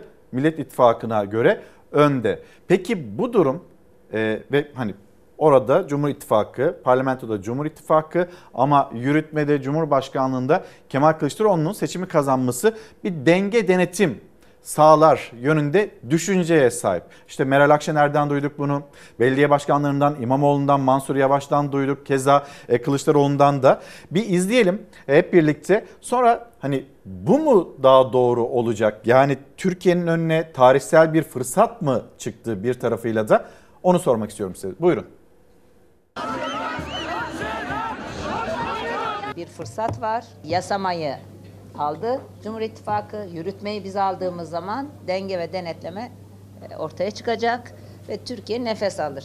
Yönetimde denge sağlansın diye çağrıda bulunuyor Millet İttifakı. Mecliste az farklı da olsa Cumhur İttifakı çoğunlukta. Bunu dengelemek için Kemal Kılıçdaroğlu'nun Cumhurbaşkanlığına her kesimden destek istiyorlar. Sayın Kılıçdaroğlu aldığında hep beraber AK Parti'de dahil olmak üzere cümbür cemaat parlamenter sisteme geçeriz. Atatürk'le kavga biter, Cumhuriyet'le kavga biter. Yüzde 50'ye 50 miyiz? Doğru. Bu kadar her şey eşitken, bu kadar eşitken bütün yetkilerin yüzde yüzünü bir tarafa vermek felaket doğurur. Yürütmeyi de Millet İttifakı'na verirse gerçek bir denge oluşur. Tayyip Erdoğan gelirse ne olacak? Frensiz yokuş aşağı giden kamyon. İstanbul Kadıköy'de seçmenle buluşan İyi Parti lideri Meral Akşener de Çalar Saat'te İlker Karagöz'ün konuğu olan CHP Grup Başkan Vekili Özgür Özel de denge vurgusu yaptı. Burada bir imkan var. İnsanları bir sürü yalanlarla kaygılandırdılar ya. Örneğin ne diyorlardı? Abdullah Öcalan'a af çıkaracaklar. Af çıkarma yetkisi mecliste. O da Cumhur İttifakı'nda. Kaygılar meclis tarafından bertaraf edilmiş olsun. Yeni yasa yapma yetkisi Türkiye Büyük Millet Meclisi'nde olacak. Yürütme, icra görevi de bizlerde olacak. Birileri ülkenin tek sahibi gibi davranmayacak. Sayın Kılıçdaroğlu'na verecek her türlü gücü şu anda e, Türkiye Büyük Millet Meclisi denetleyecek. Tam istedikleri gibi oluyor aslında. Dolayısıyla terörle işbirliği suçlaması, Öcalan sanılacak, affedilecek suçlamasının hepsi şu anda havada kaldı. Mansur Yavaş veya Ekrem İmamoğlu'nun söyledikleri gibi Cumhurbaşkanlığı ile parlamento arasındaki böyle bir zorunlu dengelenme hali bu bir fırsat alanı açabilir. Tabii ki hani Kemal Kılıçdaroğlu seçimi Fırsat kazanırsa. açabilir. Kamuoyu araştırmacısı Bekir Ağırdır'a göre de sistemin denetlenebilmesi için yetkinin dağıtılması önemli bir fırsat. Millet İttifakı denge ve denetim ihtiyacını Cumhur İttifakı seçmeninin de gözeteceği görüşünde. MHP seçmeninde siz bu rahatsızlığı, bu hissiyatı alıyor musunuz? Evet alıyorum ama şu anda mecliste Cumhur İttifakı'nın çoğunluğu var. Şimdi ben vermeyeceklerini düşünüyorum açıkçası. Hem meclis hem Cumhurbaşkanlığı makamını almış olması bu ucube sistemin ilelebet devam etmesine sebep olur. Şöyle bir şey çıkar ortaya. Fakirsen daha fakirleşirsin. AK Partili zenginsen daha da zenginleşirsin. Denge ve denetim vurgusu işte bu şekilde vatandaşa anlatılıyor. Burada bir imkan mı var? Çok ciddi bir imkan var. Önemli bir fırsat penceresi var. İlker Bey ben bu kampanya döneminde şuna tanık oldum. Türk milleti hakikaten feraset sahibi ve Ankara'daki siyasetin daha önünde gidiyor. Ve Türk milleti aslında 21 yıllık bu tek adam rejimini, bu ucube sistemi bir e, yumuşak geçiş dönemiyle geçirecek. Bunu hissediyorum. Ve eğer parlamentoda verilmiş olan çoğunluk e, Cumhurbaşkanlığı ile dengelenirse Türkiye yumuşak bir geçişle yeniden güçlendirilmiş parlamenter rejime ve demokratikleşmeye geçecek. Aksi halde, aksi halde yeniden Erdoğan görevine devam edecek olursa parlamento çoğunluğu da kendisinde ya da ittifakında bu Türkiye'yi önümüzdeki yıllarda daha büyük riskleri ve sorunları beraberinde getirecek bir sürece e, kapı aralayacaktır. Dolayısıyla bizim önümüzde Türk milletinin önünde çok tarihi bir fırsat var. O fırsat da şu. Önümüzdeki pazar günü sandığa gitmek.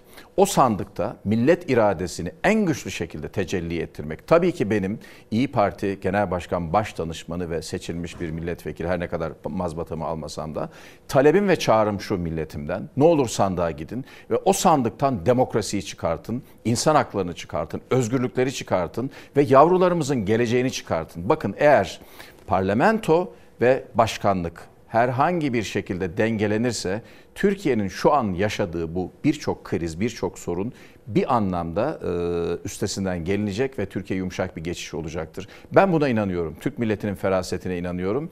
Bunlar aslında sadece biz değil, muhalefet değil, Türk milleti değil, Erdoğan ve AKP ve Cumhur İttifakı da büyük ölçüde fayda sağlayacaktır.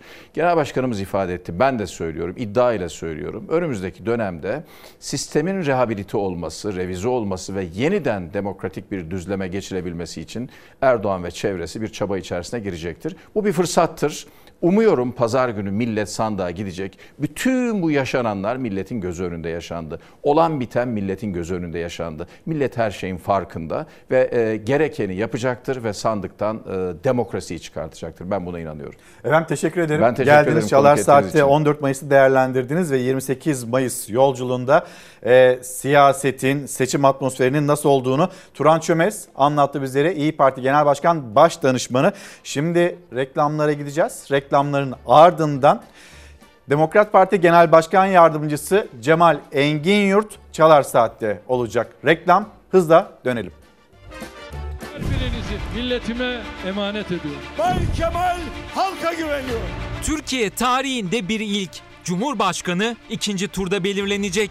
28 Mayıs'ta iki adaylı sandığa gidiyor seçmen. Akşamsa gözlerin çevrildiği ekran yine Fox olacak. İlk veriler gelmeye başladı. Diğer iller hepsini tek tek paylaşacağız. 14 Mayıs'ta olduğu gibi Fox izleyiciye en net ve anlaşılır ekranı sunacak. Oy sayımına başlandı. Gülbin Tosun'la ana haberden sonra seçim sonuçlarını İlker Karagöz ve Selçuk Tepeli aktaracak. Kamuoyu araştırmacısı Bekir Ağırdır ilk gelen verilerle seçimin sonucunu yorumlayacak. Siz topu çevirmeye devam edin. Topu çevirelim, arada analizler yapacağız. Murat Yetkin. Toplamda az görünüyor. Çiğdem Toker. Kendi lehine kullanma eğiliminde oluyor. Nevşin Mengü. Kendi oyunu konsolide etmiş olması. Deniz Zeyrek. Herkes sandığa taşıma gibi bir gayret olabilir. Deneyimli gazeteciler 13. Cumhurbaşkanının belirleneceği akşam seçimi ve sonrasını analiz edecek. Normal bir durum değil. Bu gece uzun olacak. Fox Haber Genel Yayın Yönetmeni Doğan Şentürk ve Fox Haber Ankara temsilcisi Tülay Ünal Öç'ten Tüm liderler sandıklara sahip çıkalım. son dakika bilgileri yine onlarda. Bu haber merkezi tarihe geçmiş bir haber merkezi.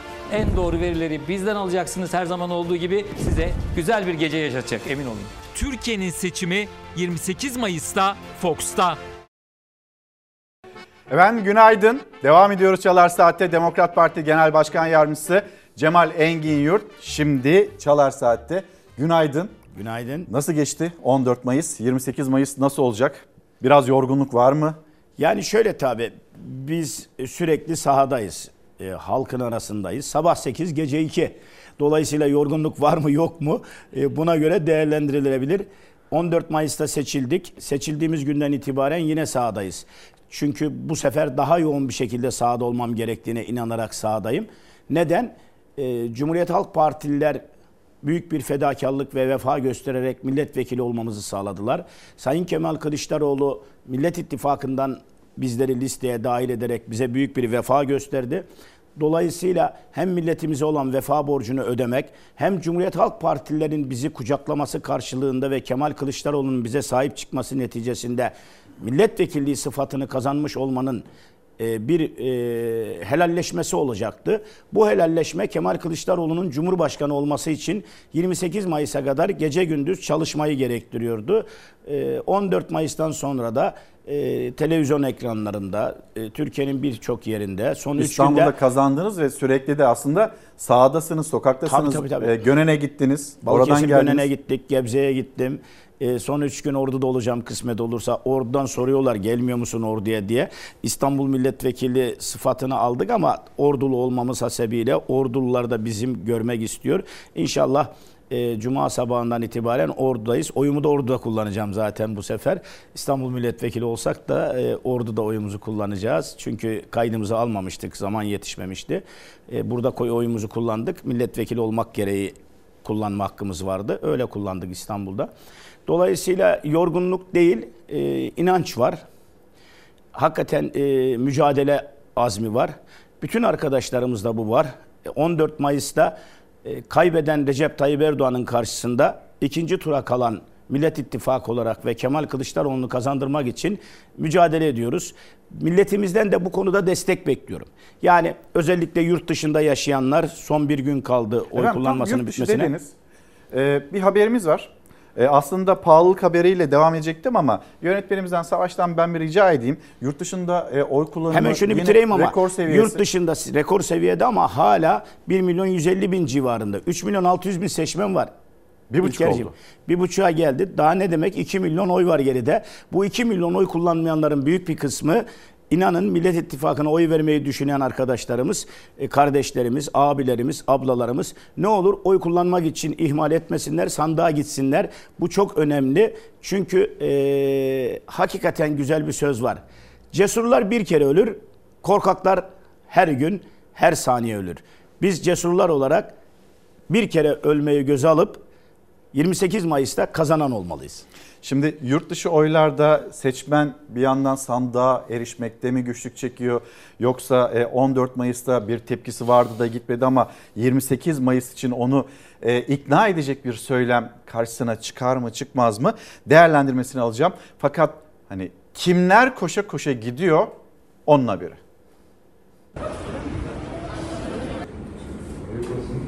Bugün buraya 225 kilometre yoldan sadece vatandaşlık görevimi yapmak için oy kullanmaya geldim. Oy vermek için saatlerce yol gidip metrelerce uzayan kuyruklarda beklediler. Yurt dışında Cumhurbaşkanlığı seçiminin ikinci turuna katılım ilk turdaki gibi yine yoğun oldu. Oy kullanan seçmen sayısı 3 günde 1,5 milyona ulaştı.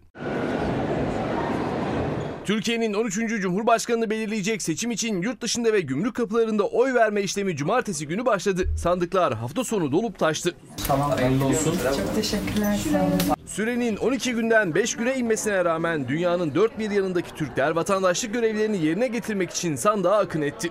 Birinci turda yetişemedik. ikinci turda oyumuzu kullandık. İnşallah vatana, millete her şeye hayırlı olur. Birçok ülkede Türk vatandaşları oy vermek için uzun yolculuklar yaptı. Bazı yerlerde yağmur altında saatlerce kuyrukta bekledi. Bu sırada renkli görüntüler de yaşandı. Tıpkı ilk kez oy kullanan gençlere verilen moral gibi. Evet Bahar Niko'yu alkışlıyoruz. Bravo. Aralarında Çin, İran ve Bosna Hersey'in de olduğu bazı ülkelerde oy verme işlemi tamamlandı. Sandıkların kapandığı Brezilya'da katılım oranı ilk tura göre %1,21 puan arttığı belirtildi. Geçebilirsiniz sandığa. Yurt dışında yoğun katılım yaşanırken Yüksek Seçim Kurulu ilk 3 günün verilerini paylaştı. Şu ana kadar 1 milyon 466 bin 452 kişinin oy verdiği açıklandı. Yurt dışında oy verme işlemi 24 Mayıs'ta son bulacak. Gümrük kapılarında ise süreç 28 Mayıs saat 17'ye kadar devam edecek. Efendim görüntüyü siz de izlemişsinizdir. Sosyal medyada bayağı tartışıldı. Siyaset de çok tartıştı. Ee, seçmenler var. İşte ev aldı bir şekilde. Ve sonrasında Türkiye Cumhuriyeti vatandaşlığı verildi. Ama bir kelime Türkçe bilmiyor. Onlar koşa koşa sandığa gidiyor. Diğer tarafta da küskünüm, darıldım diyenler de var. E, onların oy kullanmamasına ne dersiniz? Tabii geçen A Haber Mutluluk kanalının muhabiri gümrükte bir vatandaşa amcayı da sakallı görünce her sakallıyı kendilerinden kabul ettikleri için soruyor hayırlı olsun diye. Amca bıyak ciyak diye bir şeyler söylüyor. Ne dediğini de anlamayınca muhabir oradan kaçmaya çalışıyor. Ve bu adam oy kullanıyor. Bu adam Kuveytli. 50 bin dolar vermiş. Türkiye'den ev almış. Ben sandığa gitmeyi düşünmeyen umudumu kaybettim diyenlere sesleniyorum. Umudunuzu kaybettiniz, sandığa gitmeyeceksiniz.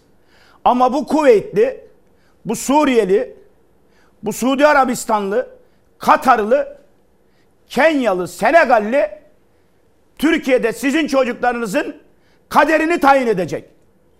Bu memleketin kadınlarına sürtük diyenlere devam diyecek.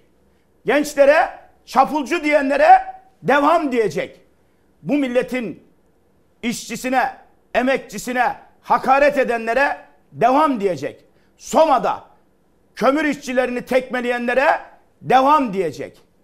Süleyman Soylu gibi bu millete en ağır hakaret edip hayvanlarla evlenmeyi bunlar serbest bırakacak diyen bir adama ki adam diyorum nezaketen devam diyeceksiniz. Beşli çeteye bu memleketi soymaya devam et diyeceksiniz. KPSS'de 96 alıp mülakatta 50 alarak elenen çocuğun hayatını karartmaya devam diyeceksiniz. Staj ve çıraklık mağduru olup milyonlarca gencin staj ve çıraklık sürelerinin sigorta olarak sayılmamasına devam diyeceksiniz. Emeklilikte yaşa takılanların prime takılmasına devam diyeceksiniz. Bir günle 17 yılı kaybedip 2041'de emekli olacak kardeşime devam diyeceksiniz. Hak gaspına devam diyeceksiniz. Bu memlekette tüy bitmemiş yetimin hakkını yiyenlere devam diyeceksiniz. Ve öyle bir devam diyeceksiniz ki kendi çocuklarını Amerikan vatandaşı yapıp Muhammed Ali'nin evini, villasını 100 milyon dolara alanlara devam diyeceksiniz. Depremzedelere parayla ev satmayı vaat edenlere devam diyeceksiniz. Bu ülkede milletin kaynaklarını çarçur edip insanları fakirleştirenlere devam diyeceksiniz. Kendileri manda yoğurdu, kestane balı, ejder meyvesi yiyip de soğan alamayanlara siz zulme devam diyeceksiniz. Onun için gelin 28 Mayıs'ta bu Türkçe konuşamayan zavallıların parayla satın alınan vatandaşlıklarla bu ülkeyi gasp edenlerin bu ülkede sığınmacı anlayışıyla, mültecilik anlayışıyla bu ülkede geleceğimizi, çocuklarımızın geleceğini, kızlarımıza saldırıların daha da yoğunlaşacağı bir ortama dur demek için 28 Mayıs'ta sandığa gidin. Ne demek üzüldüm? Ne demek kırıldım? Ne demek umudumu yitirdim? Umut her zaman vardır. Ne diyor Nazım Hikmet? Sen yanmazsan, ben yanmazsam, biz yanmazsak nasıl çıkar karanlıklar aydınlığa diyor. 28 Mayıs yanma günüdür. Yanacağız hep birlikte ama çocuklarımızın geleceğini aydınlığa çıkaracağız. Hep atlanıyor. Bu memlekete mülteci geldi deniliyor İlker Bey. Nasıl geldi bu mülteciler? Bu mülteciler bu ülkeye hepsi kaçak yolla gelmedi. Bunlar sınırı dele, delerek gelmedi. Hep bir yanlış var. Bunlar vize verildi bunlara. Günlük milyonlarca dolar alındı. Bu ülkede birileri vize ticareti kurdu. Kim bunlar? AKP'li milletvekilleri var. AKP'li bürokratlar var. Hepsinin hesabını günü geldikçe soracağız dediğimiz için kenetlendiler, bir oldular. Lübnanlılar nasıl kaçık gelebilir bu ülkeye? Hepsi vizeyle geldi. Kenyalı, Senegalli nasıl bu ülkeye kaçak gelebilir Kenya'dan? Belgesi. Belgeleri var tabi hepsinin. Vizeyle geldiler. Sadece İçişleri Bakanlığı'nı Süleyman Soylu'nun elinden alsak, beni İçişleri Bakanı yapsa Sayın Kılıçdaroğlu, bir günde bunların hepsini ortaya dökerim ben. Onun için Sayın Kılıçdaroğlu'na sesleniyorum. Bunların hesabının sorulması için bu Süleyman Soylu'nun adaletsizliğinin, hukuksuzluğunun hesabının sorulması için 14 Mayıs'ı Millet İttifakı kazanırsa darbe diyen bu darbeciden hesap sormak için İçişleri Bakanı beni yapması gerekir.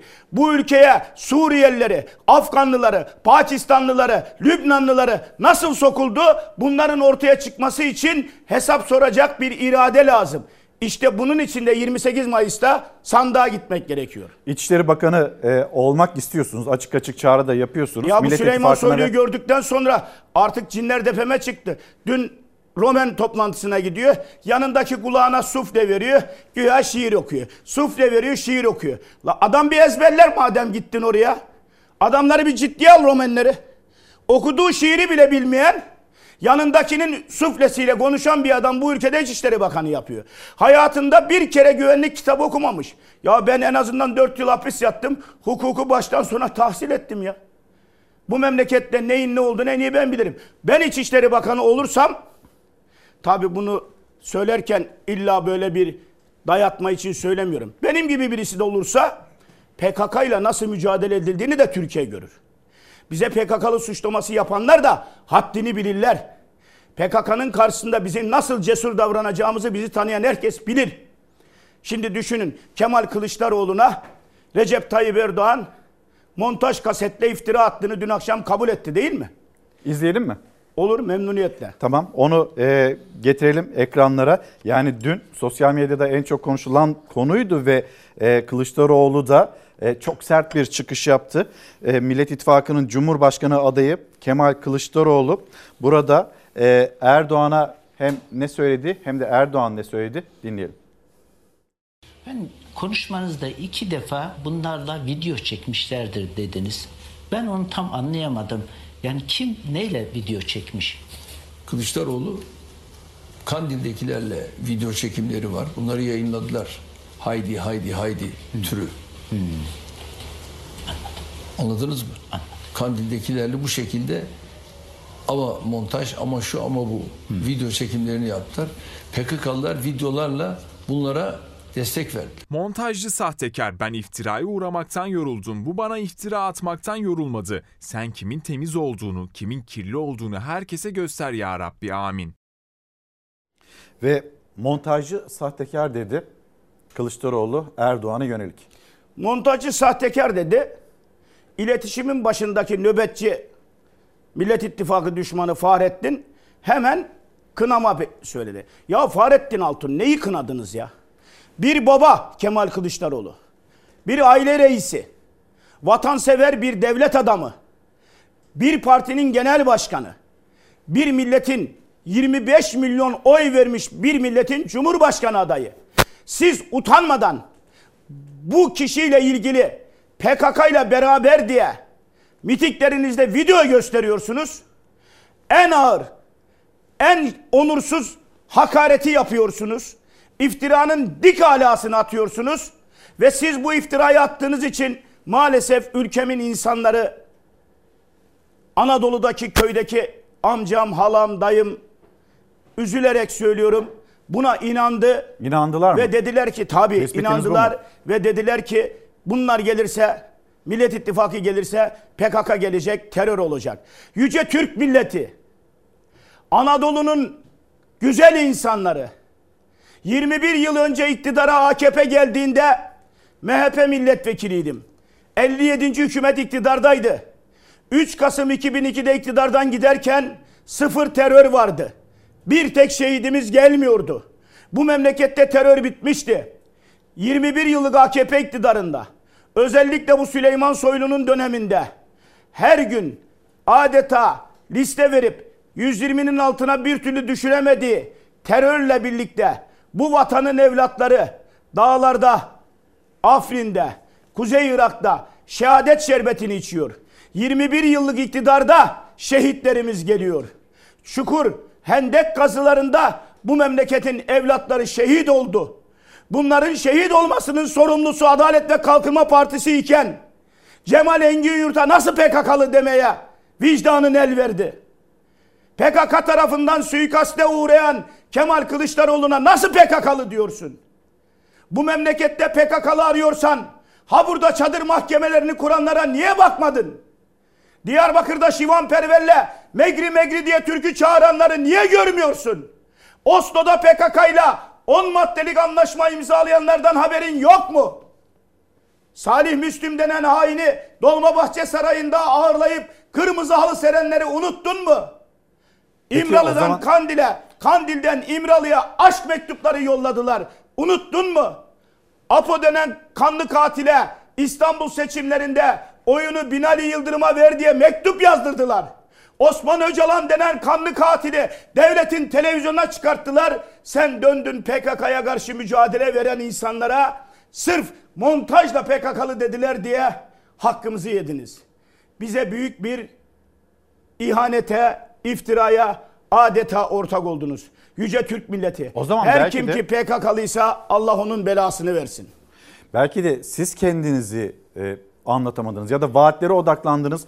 Bu propaganda karşısında e, hani biz bununla ilgili konuşmayalım dediğiniz için mi hata yaptınız? Sayın Onu soracağım. Kılıçdaroğlu, İlker Bey çok beyefendi bir adam. Zerafet ehli bir adam, nezaket ehli bir adam. En ağır söylediği söz işte dün akşam söylediği söz. Kemal Kılıçdaroğlu'nun en ağır sözü dün akşam Recep Tayyip Erdoğan'a söylediği söz. Dolayısıyla Kemal Bey bu millete yapacaklarını emekliye Kurban Bayramı'nda 15 bin lira vereceğini anlattı. KYK'lı çocuklara dedi ki borcunuzu sileceğim dedi. En düşük emekli maaşını 11 bin liraya çıkaracağım dedi. Memura dedi ki, memura dedi ki, memuru AKP kandırdı yine ya. Tayyip Erdoğan kandırdı. 2012 yılında 2,5 asgari ücret alıyor musunuz maaş olarak? Şu an 21.600'e denk geliyor vereceğim dedi. Recep Tayyip Erdoğan memura dedi ki o vermez ben veririm 22 bin lira. Bugün yalan olduğu ortaya çıktı. Net 17 bin lira vereceğim diyor. Daha vermedi. Sonra bir 22 diye yeniden düzeltildi. Ya fark etmiyor. Her şeyleri yalan, her şeyleri dolan. Bankalar pazartesi gün kredi kartlarında avansı kesti. Kredisi çıkmış, konut almış insanlar, konuta parayı vermiş insanların kredileri iptal edildi. Bu ülke şu anda büyük bir krize doğru götürülüyor Recep Tayyip Erdoğan tarafından. Kemal Bey bunları anlattı. 5000 doların üzerinde bankalarda işlem yasaklandı. Şu an esnaf, sanayici kredi alamıyor. Faizler %35. Yani bugün bankaya götürün, pazarlık yapın. Mevduat faizi %35. Şimdi bunları anlatırken Kemal Bey, milletim dedi bizi anlar. Göstermedi o bir yüzüğümden başka param olursa haramdır bilin diyen Recep Tayyip Erdoğan'ı göstermedi. Türk milliyetçiliğini ayaklar altına alıyorum. Her türlü milliyetçiliği ayaklar altına alıyorum diyen o sözleri göstermedi. Türk bayrağından provokasyon olur diyen o sözlerini göstermedi. Ne mutlu Türk'üm diyene yazılarını dağlardan kaldırdı. PKK'lılar istedi diye çözüm sürecinde andımızı kaldırdı. Her gün andımızı gidip okuyacaktık sarayın önünde. Okuyamadık, anlatamadık. Bu sözleri gösteremedik, yüzlerine vuramadık. Niye? Milletimiz unutmaz dedik. Ama maalesef milletimiz unutmuş. Bu seçime giderken sadece ve sadece PKK milletin bekası. Biz etin kilosu 450 lira dedik, ezan susmaz dedi. Biz kira 10 bin lira dedik, bayrak inmez dedi. Biz soğan 35 lira dedik, toku yedirmeyiz dedi. Tok 1,5 milyon lira, soğan alamıyor, 6 aydır eve et girmiyor, çocuğuna mama alamıyor, süt alamıyor. Ama Recep Tayyip Erdoğan'ın TOG'uyla, İHA'yla, SİHA'yla mutlu olduğunu ve bunun da devletin bekası olduğunu söyledi. Halbuki bu ülkede bir tek bekasını düşünen tek adam var. Adı Recep Tayyip Erdoğan. Kendinden ve çocuklarından başkasını düşünmüyor. İktidarının devamını şahsına ait bir ülke kurmak için istiyor. Milleti düşünmüyor. Milleti düşünmediği apaçık ortada. Milyonlarca insan emekli 7500 lira maaşla yaşamak zorunda. Efendim buradan devam edelim. Hem terlediniz hem de mikrofonunuzda küçük bir problem var. Biz de o arada haberimize girelim. Hani yabancı seçmenler demiştik o görüntü. Görmüş olduğunuz gibi beyefendi daha oyunu atıyor. Hayırlı uğurlu olsun efendim oyunu. Barakallah, hayakumullah. Velhamdülillah yani ana lem ara intihabat demokratiye kema ra'aytuha fi Türkiye. Türkiye Cumhuriyeti vatandaşı olmayan birisinin oy kullanması mümkün mü? Yok Türkiye Cumhuriyeti vatandaşı ama Türkçe bilmiyor efendim. Yani evet. tartışma biraz öyleydi. Hiç Türkçe dahi bilmeyen birine nasıl vatandaşlık verildi tartışması. Şimdi yani eğer vatan ben videoyu bilmiyorum. Bu, bu soruyu onun için e, görmediğim bir şeyi bana cevaplandırmak durumunda bırakıyorsunuz ama Doğru. Ee, Ben de videoyu gördüm ve paylaştım. A Haber'de burada var. Hakikaten Türkçe bilmeyen, hatta Afganistan'da doğmuş Türk vatandaşı Abu Dhabi'de veya Cidde'de yaşıyor ve oy kullanıyor. Bunun demokratik olmadığını düşünüyoruz. Türk milletinin elinden egemenlik hakkını alıcı ve kısıtlayıcı olduğunu düşünüyoruz. Bir vatandaş oy kullanıyor. Türkçenin T'sini bilmiyor. A'sını bilmiyor ya da öyle diyelim. Türkçenin A'sını bilmiyor. Ve bu ülkeyle ilgili fikri yok. Cumhurbaşkanlığı seçimi ikinci tur oylaması için yurt dışında oyunu sandığa atan bir seçmene mikrofon uzatıldı canlı yayında. O seçmenin Türkçe bilmediği ortaya çıktı. İktidara yakın televizyonda canlı yayınlanan o anlar muhalefetin gündeminde. Bu ülkenin geçmişini bilmiyor. Ya bir ülke bilinci, bir milli birlik bilincinin olmadığı bir insana siz nasıl vatandaşlık oy hakkı verirsiniz? Veremezsiniz kardeşim. Yurt dışından oylar geliyor diyor. Bir tane amcam geliyor, oyu atıyor. Dönüyor diyor ki hayırlısı olsun.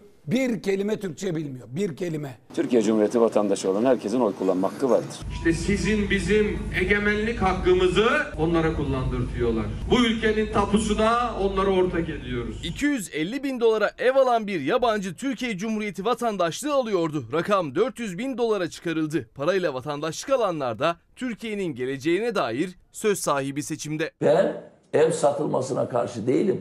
Bu cennet vatanın her köşesinden, dünyanın her milletinden insan ev alabilir kardeşim. Ama ben Türkiye Cumhuriyeti vatandaşlığının satılmasına karşıyım. Hayırlı uğurlu olsun efendim oyunuz. Barakallah, hayakumullah.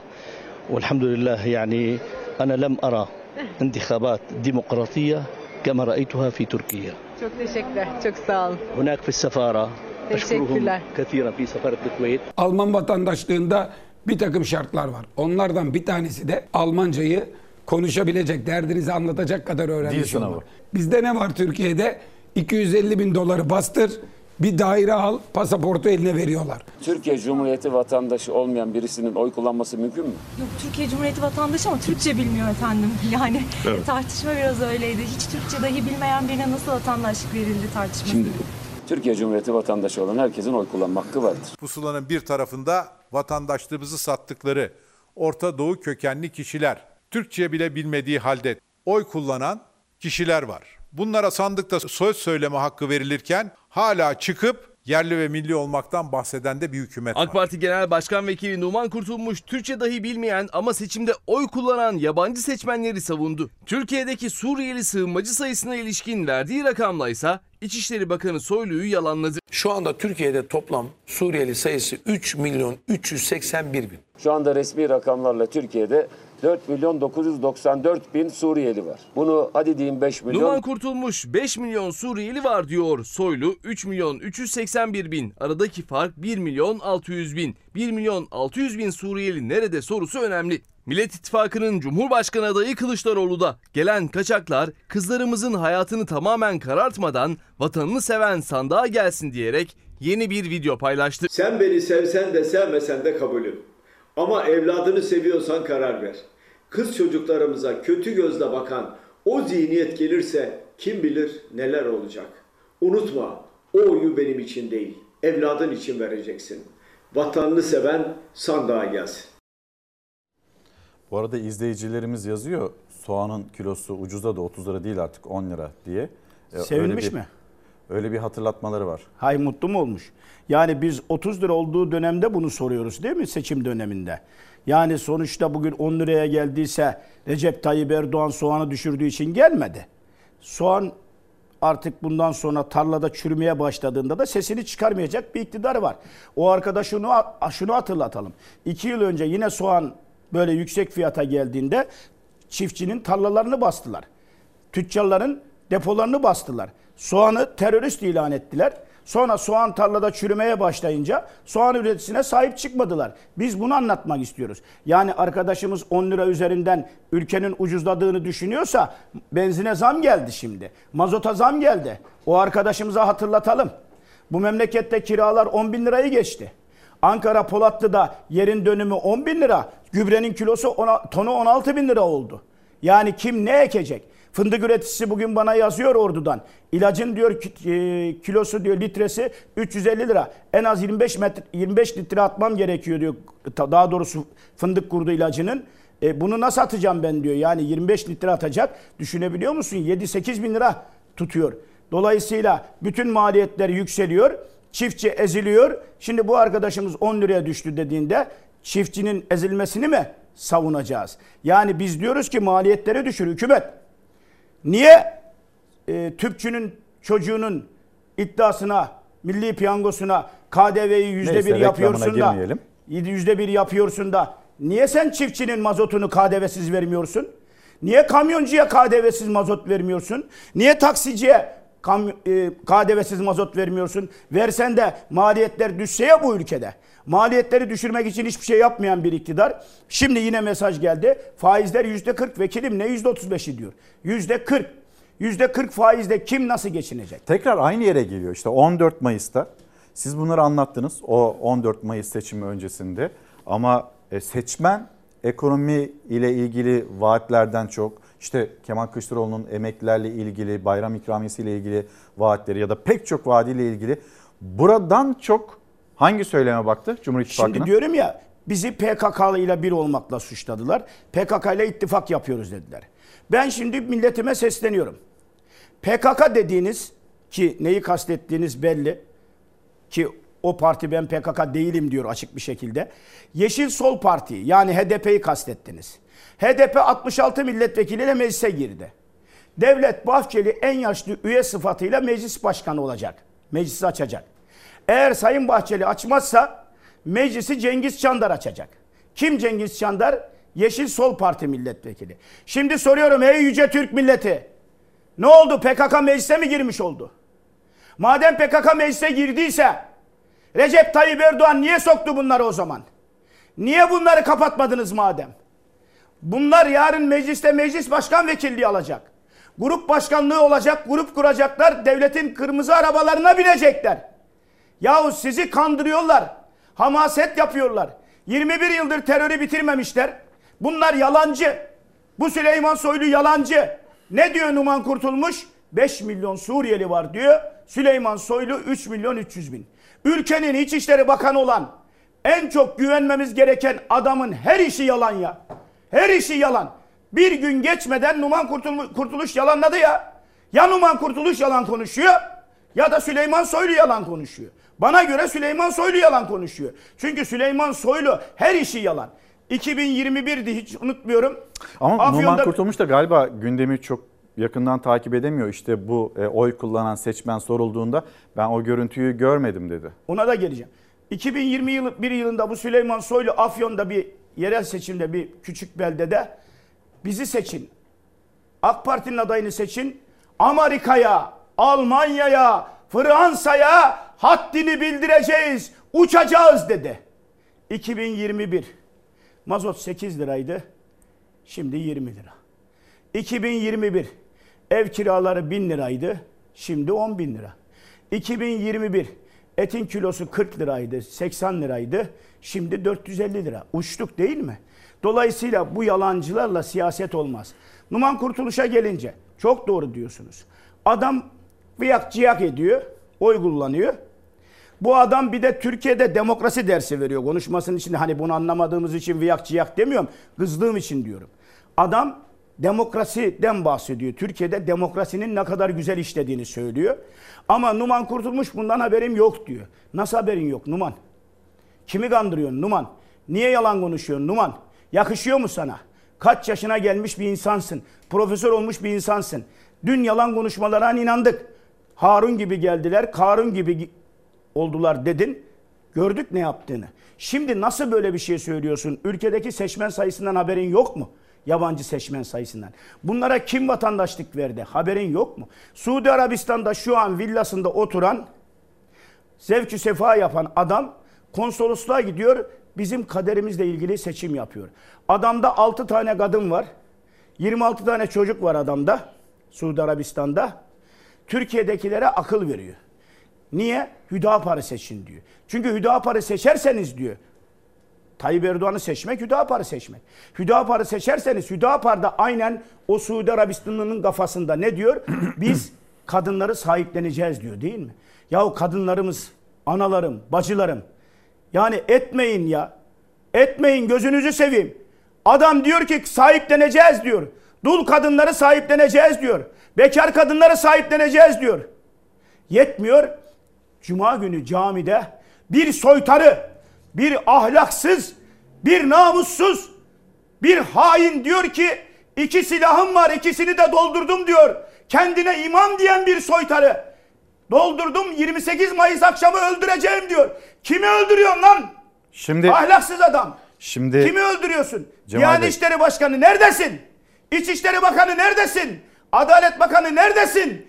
Ülkenin 85 milyonun Cumhurbaşkanı Recep Tayyip Erdoğan neredesin? O konuyla Alayınız ilgili- gelin be. Cemal Bey. Yazıklar olsun. Cemal Bey o konuyla ilgili soruşturma da başlatıldı. Diyanet E, bu- soruşturma açmış böyle dedin mi demedin mi diye İlker'ciğim. Ama bir Bunu yandan da bu öyle İlker seçmeni- Karagöz, Cemal Engür söylese gece yarısı evden aldılardı. Şu an gün yüzü görmüyorduk hapisteydik. Bu insanları tedirgin de edebilir Cemal Bey. O yüzden hani konuyu bunun dışına taşıyalım ama bir vurgunuz var. Kadınlara da bir çağrınız var. Hüdapar, Hüdapar'ın yaklaşımı ile ilgili kadınlara bir sesleniş var aslında Millet İttifakı'ndan. Siz de e, az önce söylediniz. İzleyelim. Bugün bir Hüdapar tehlikesi var mecliste. Ve şöyle bir şey var. Öyle İstanbul Sözleşmesi ile falan başladılar. Kadına karşı şiddet kanuna karşı çıkıyorlar. Birinci hedefleri, birinci hedefleri medeni kanun. Göreceksiniz.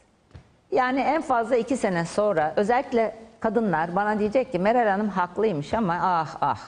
Bu samimiyette söylüyor. Neden özellikle kadınlar? Özellikle kadına nefes alamayacaksınız. Meral Akşener net ve iddialı konuştu. Erdoğan kazanırsa kadınlar nefes alamayacak dedi. Özgür Özel ise tehlike diyerek başladı. Hedefleri medeni kanun diyerek devam etti. AK Parti listelerinden Hüdapar'ın meclise girmesine tepki gösterdi. Kadınların medeni kanunla güvence altına alınan haklarının tehlikede olduğunu söyledi. Kadının mirastan eşit hak almasından tutun da kadının toplumsal hayattaki eşitliğine kadar ki yalnız kadınların sahiplendirilmesini dile getirecek kadar gözü dönmüş kişilerin anayasanın ilk dört maddesini hedef aldığı yerdeyiz. Varisleri olmayan veya bulunamayan kişilerin bıraktığı miras yalnız yaşayan kadınların sahiplenilmesi üzere oluşturulacak bir fona devredilmelidir. Kadınlara saçı göründü, açık giyindi diye yıllarca kezzaplı saldırılar yapan, bekar kadınları sahiplenmeyi düşünen, AKP eliyle meclise sokulan Hizbullahçı terör örgütünün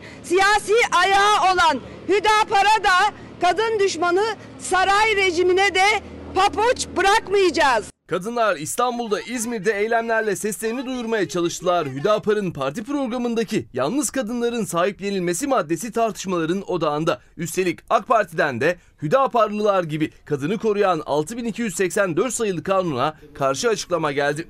Kadının beyanı esas alınıyor doğru. Yani e, kanun koyucu orada neyi amaçladı vaktiyle bilmiyorum ama e, bir hukukçu olarak çok e, sadece kadının beyanı esas alınmayacağı kanaatindeyim. Kadınlar bu ülkede yaşayamayacaksınız, nefes alamayacaksınız. Meral Akşener de İstanbul'da kadınlara seslenirken bir kadın korkuyoruz diyerek ses verdi. Bizi kurtar, Hizbullahçılardan kurtarın. Uyuyamıyoruz. Kız çocuğum var. Ben de bir kadının inanın sabahlara kadar uyku tutmuyor.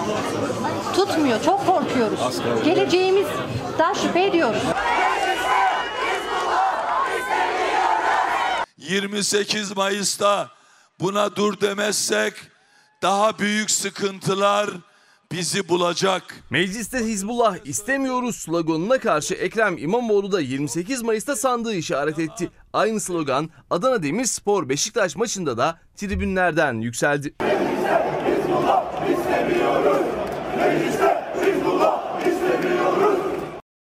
Tribünlerden yükselen ses mecliste Hizbullah istemiyoruz. Hüdapar'a inanılmaz bir tepki var. Kadınlardan da öyle ve şimdi buradan da Sinan Oğan dün almış olduğu karar bu başlığa geçelim.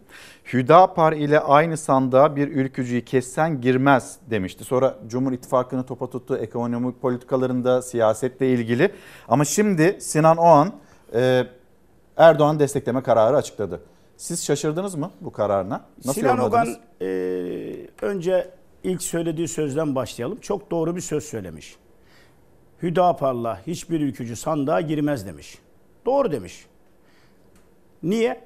Çünkü Sinan Ogan'a oy veren 2 milyon 800 bin insan o değerli kardeşlerim Türkçü, Atatürkçü, Cumhuriyetçi, vatansever, ülkücü, Türk milliyetçisi kardeşlerimiz. Onlar Sinan Ogan'a oy verirken Recep Tayyip Erdoğan'a karşı duruş sergileyip Kemal Bey'e de oy vermeyi sola oy veriyorum gibi gördüklerinden dolayı nispeten Sinan Ogan'ı kendilerine yakın gördüler. Oylarını Sinan Ogan'dan yana kullandılar. Çünkü onlar o 2 milyon 800 bin asla ve katta anayasadan Türklük ismini kaldıracağız diyen, Şeyh Said kahramandır, Mustafa Kemal Atatürk onun katilidir, devlet dairelerinden, okullardan isimlerini kaldıracağız diyen, Türk bayrağından rahatsız oluyorum diyen, Türkiye Cumhuriyeti isminden rahatsız olan, anayasanın ilk dört maddesini değiştireceğini söyleyen, Kürdistan İslam Devleti kuracağız diyerek bölücülük yapan, Gaffar Okan ve beş polisimizi şehit eden Hizbullah'ın partisi Hüdapar'ın olduğu yere oy vermez, vermeyecektir. Çünkü bu oyu kullanan arkadaşlarımız vatan hassasiyeti, devlet bayrak hassasiyeti olan insanlardır. Kadınları çalıştırmayacağım diyen, kız çocuklarının okumasını engellemek isteyen, kadınlara sahip bulacağız, sahip olacağız, sahipleneceğiz diyen Hüdapar'la bu arkadaşlarımız bir araya gelmez. Sinan Ogan doğru demiş. Ama Sinan Ogan tarihi bir yanlış yaptı. Neden? İbretlik bir yanlış Bu bir yaptı. tercih değil mi sizce? Böyle bir tercih olamaz. Böyle bir tercihin olacaksa 14 Mayıs'tan önce çıkar. Ben ikinci tura kalırsam Recep Tayyip Erdoğan'ı destekleyeceğim derdin. Onurlu insan bunu derdi. Bakalım o zaman oy veriyor mu vermiyor mu otobanı görürdün. Yanlış yaptı. Ata ittifak olarak çıktığı yolculukta yola çıktığı arkadaşlarını, yoldaşlarını yolda bulduklarına değişti. Birlikte ittifak kurduğu insanlara sormadan, onların fikrini almadan, adeta o 2 milyon 800 bin insanı bir yetim gibi bırakarak sarayın her defa hakaret ettiği sarayın emrine girdi. Girerken de çıktı utanmadan dedi ki istikrar için, Cumhuriyetin geleceği için, Atatürk için yazıklar olsun. Mustafa Kemal Atatürk'e bir camide zalim ve kafir denildiğinde Recep Tayyip Erdoğan karşıda sırıtarak dinledi.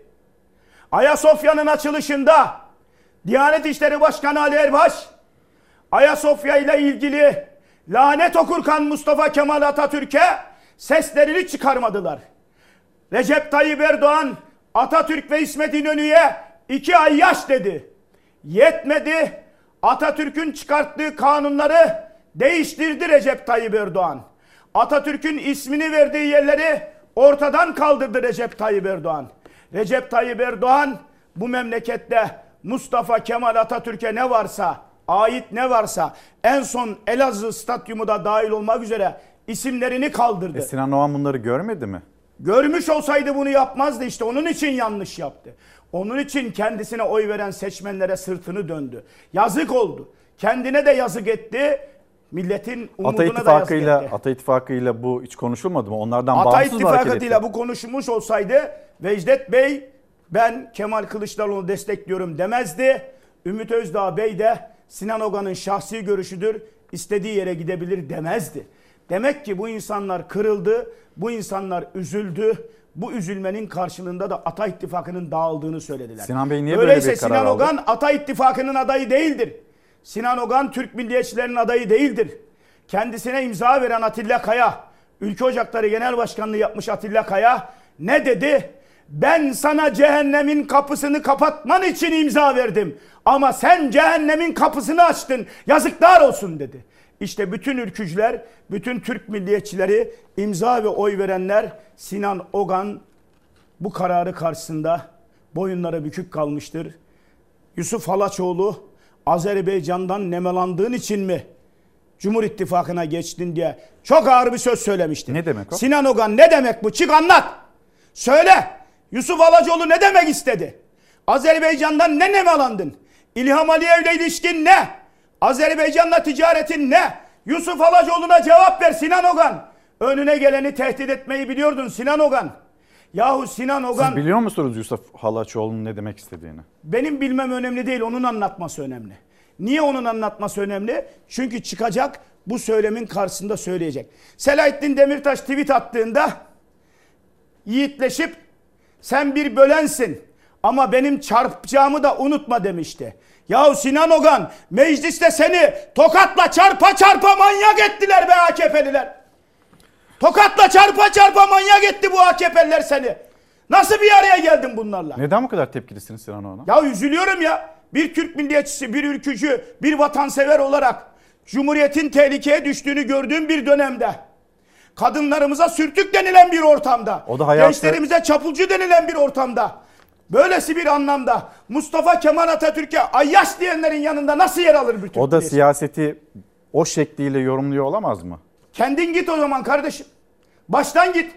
Madem bu kadar duyarlısın, hassassın, seni engelleyen mi var? Ben 2018'de Milliyetçi Hareket Partisi milletvekiliydim. Aday çıkarmadı MHP. Tayyip Erdoğan'a oy istedim. Kendimi oy isteyip seçtirme peşine gitmedim. Tayyip Erdoğan'ı da seçin dedim. Ama o gün söz verdim. Dedim ki beni seçerseniz ben ceylan derisi koltuklarda oturup maaş alıp yan gelip yatmayacağım dedim. Milletin hakkını savunacağım dedim. Dokunulmazlık zırhının arkasına saklanmayacağım dedim. Haksızlık karşısında susan dilsiz şeytandır olan olmayacağım dedim. Ve nitekim Milliyetçi Hareket Partisi beni Recep Tayyip Erdoğan'a ağır eleştiriler ve Cumhur İttifakı'na karşıyım diye partiden attı. Ha bazıları çıkıyor. Hele bir jeliboncu deli var soytarı. İkide bir rüzgar gülü fırıldak. Oğlum fırıldak arıyorsanız bir yanınıza baksanıza. Kendinize bir baksanıza. Bir pazarlık yok dedi mesela Cumhurbaşkanı dün katıldığı televizyon programında. Niye dedi? Sinan Oğan'ın Niye dedi bir pazarlık yok diye? Niye? Çünkü Sayın Bahçeli ne dedi? Sayın Bahçeli dedi ki at pazarlığı yapanlar acizlerdir dedi. Demek ki bir pazarlık yapıldığını Sayın Bahçeli gördü, duydu ki at pazarlığı var dedi. MHP'nin danışmanları ne dedi? Mezar soyucu dedi. Ya Sinan Ogan hiç mi vicdanın sızlamadı? Sana at pazarlığı yapan aciz dediler. Sen mi acizsin? Seni çağıran Recep Tayyip Erdoğan mı aciz? Mezar soyucu musun? Mezar soyucu musun? Bize cevap yetiştirmeyi bırak. Sana hakaret eden yanına gittiklerin şu an. Birlikte oldukların sana hakaret etti. Bakın Allah'a yemin olsun. Bu televizyon ekranlarından ilk defa net bir şekilde açıklıyorum. Cenab-ı Allah bu canı bu bedende bıraktıkça Tayyip'inki gibi oldu ama Allah öyle benzetmesin sonunu. O da öyle demişti. Bu can bu bedenden oldukça bronsunu kimse alamaz. Ben durduğum yerden eğer Allah böyle bir şeyi bana nasip edecekse Cenab-ı Allah canımı alsın. Bunu söylerken iyi iş yaparlarsa takdir ederim. Kötü işlerinde karşısında olurum diyerek söylüyorum. Niye? Ya ben senin programında da söyledim. Bana niye Demokrat Parti'ye geçtin dediler. Demokrat Parti Genel Başkanı tek milletvekili Gültekin Uysal. Niye oraya geçtin dediler. Abi bir baktım hepsine sövmüşüm dedim ya. Bir sövmedim Demokrat Parti kalmış dedim. Dolayısıyla dedim omurgalı olmak gerekir dedim. Ben parti parti gezen bir adam değilim. Jeliboncu deli. Seni manyağa çevireceğim jeliboncu Şimdi, deli. e, 10 hani- parti değiştirdin. Bana hakaret ediyorsun sürekli. Diline doluyorsun. Ben söz, hiçbir söylem- parti değiştirmedim. bu- Ben Milliyetçi Hareket Cemal Bey. Partisi'nden atıldım. Demokrat Parti'de babamın, amcamın, dayımın partisinde siyaset yapıyorum. Ne adına? Millet adına yapıyorum. Sinan Bey'in hayali, hedefi, varmak istediği yer Milliyetçi Hareket Partisi Genel Başkanlığı. Hedefi bu. Siyaseten hedefi bu. Bu yüzden e, Cumhur İttifakı'na geçmiş olabilir mi? Milliyetçi MHP'ler Hareket Partisi Genel Merkezi'nin kapısındaki X-ray cihazına Sinan'ın resmini koymuşlardır. Kapıdan içeri giremez. Bırak genel başkanlığı. Bir daha söylüyorum. Milliyetçi Hareket Partisi Genel Merkezi'nin kapısındaki X-ray cihazına Sinan'ın resmini koymuşlardır. Kapıdan içeri giremez. Ülkücüler, Türk milliyetçileri, MHP'liler öyle herkesin yol geçen anı olup da gelip de genel başkan olacağım dediği yer değildir. Ülkücülerin bu konuda hassasiyetleri vardır. Türk milliyetçilerin bu konuda hassasiyetleri vardır. O hassasiyetleriyle zaten 54 yılı aşkın zamandır Milliyetçi Hareket Partisi Türkiye'de en fazla siyasi sahnede olan bir partidir. Niye? Orada lider teşkilat doktrin esastır. Orada lidere sadakat esastır. Sayın Bahçeli'den o zaman bir tepki bekliyor musunuz? Hani Sinan Oğan'ın Erdoğan destekleme kararıyla ilgili. Vallahi ben normalde bekliyorum Allah var. Ama MHP'liler hemen nasıl olduysa sahiplendiler. Sinan Ogan doğru yaptı dediler. Güzel yaptı dediler. iyi yaptı dediler. PKK'nın safından dediler. Cumhur'un safına geçti. Ya yapmayın abi ya. Bu kadar unutmayın hemen söylediklerinizi ya. Yani at pazarlığı dediniz ya. Sinan Ogan'a neler dediler ya. Neler söylemediler ya. Mezar soyucu dediler ya. Peki niye böyle siyasette dün dündür, bugün bugündür anlayışı? Olmaması gerekir. Bir omurgalı olmak gerekir. Şimdi hep bana diyorlar Milliyetçi Hareket Partisi'ne niye söz söylemiyorsun? Niye söylemiyorum İlker? Senin programlarında da ifade ettim. Abi ben 43 yıl Milliyetçi Hareket Partisi'ne siyaset yaptım. Şimdi döner Milliyetçi Hareket Partisi'ni kötülersem demezler mi? Sen 40 yıldır aklın neredeydi lan? Sen adam mısın? 40 yıldır siyaset yaparken görmedin de, buradan iki defa milletvekili oldun görmedin de, şimdi mi yanlışlarını gördün, hatalarını gördün derler. Ya bunlar MHP'ye demediklerini bırakmadılar. AK Parti'ye demediklerini bırakmadılar. Şimdi birlikte yan yanalar. Hüdapar'la asla yan yana gelmeyiz dediler. Hüdapar'la beraber oldular. Bu Hüdapar Hizbullahçı diyoruz. Ya tekrar söylüyorum Zekeriya Yapıcıoğlu bana dava aç. Hizbullahçı dedim diye dava aç. 2018 kurultayında Genel İdare Kurulu'na seçtiğin Hizbullah davasından yurt dışında kaçak olan adamın Hizbullahçı olmadığını söyle. Genel İdare Kurulu'nda olmadığını söyle. Bakın bu Cumhurbaşkanı Hüdaparcılara öyle tavizler verdi ki insan üzülüyor. Geçen hafta APO'yu affedecekler diye Kemal Kılıçdaroğlu'na sürekli saldırıp Nevşehir'de afişler asıp Türkiye'nin birçok yerlerinde bildiri dağıtıp Kemal Kılıçdaroğlu'yu APO'yu affedecek diyenler Cumhurbaşkanı Recep Tayyip Erdoğan 71 yaşındaki bir Hizbullahçıyı Hizbullahçının suçu ne? Çocukları betona gömmek. Diri diri betona gömmek. Böyle bir kanlı katili Cumhurbaşkanı affetti. Niye affettin dediler? Yaşlıydı. Pekala 84 yaşındaki Vural Avar, Alzheimer olmuş Vural Avar hapishanede öldü diye İlker. Çetin Doğan ve arkadaşları 90 yaşındalar. Hastalar, yürüyemeyenler var. Niye yatıyorlar hala hapiste? Niye biliyor mu? Niye biliyor musunuz? Vallahi Atatürkçü oldukları için, billahi Cumhuriyet'ten yana oldukları için hapiste yatıyorlar. Yoksa bunların suçunun olmadığını Recep Tayyip Erdoğan da biliyor. Ama Recep Tayyip Erdoğan Atatürkçülerden, Cumhuriyetçilerden nefret ediyor. Bu memleketin Türk birliğinden, Türk üniter yapısından nefret ediyor. 71 yaşındaki katil Hizbullahçıyı affetti ama döndü sizi ikna etti. Bunlar gelirse APO'yu affedecekler diye. APO'yu da 3 defa affetmek için AKP'nin mecliste çalışması var bu arada. Evet, e, Ankara Üç Büyükşehir defa. Belediye Başkanı Mansur Yavaş'ın iddiasıydı. E, aynı zamanda Cumhuriyet Halk Partisi Grup Başkan Vekili Özgür Özel'in de gündeme getirdiği bir konuydu bu. E, siz de o dönemlerde Türkiye Büyük Millet Meclisi'nde görev Yok yaptınız ben yapmadım. mı? Bizim dönemde olmadı. 2018 öncesinde olduğu için. 2003 2003'te yılı var. Biz 2006, 2002'de biliyorsun baraj 2006. aşamayıp baraj aşamayıp meclis dışında kalmış. Dolayısıyla Recep Tayyip Erdoğan hakikaten Cumhuriyet'le hesaplaşıyor. Ve bu hesaplaşmasını da acımasızca sürdürüyor. Dolayısıyla bugün baktığımda yaptıklarına baktığımızda her şeyleri Türkiye Cumhuriyeti'nin aleyhine. Recep Tayyip Erdoğan din diyanet diyor. Camideki amcam diyor ki Müslüman diyor. E Recep Tayyip Erdoğan Allah'ın haram saydığı zinayı suç olmaktan çıkarttı 2005 yılında. Şimdi, Şimdi o zaman hani siz böyle Kur'an-ı Kerim'in anlatıyorsunuz. emrini bile ortadan kaldırmış bir Recep Tayyip Erdoğan var. Ama maalesef geldiğimiz noktada bizi dinsizlikle suçluyor ya. Ya millet diyor ki ısrarla Recep Tayyip Erdoğan'ı soğan ekmek yeriz yedirmeyiz. Ya değerli vatandaşım biz Recep Tayyip Erdoğan'ı niye yiyelim? Biz yamyam mıyız ya? Niye yiyelim? Bir seçim var. Seçimde kazanan kazanacak ya. Recep Tayyip Erdoğan giderse ülke batacak. Recep Tayyip Erdoğan giderse devlet batacak. Yok vallahi öyle bir şey yok.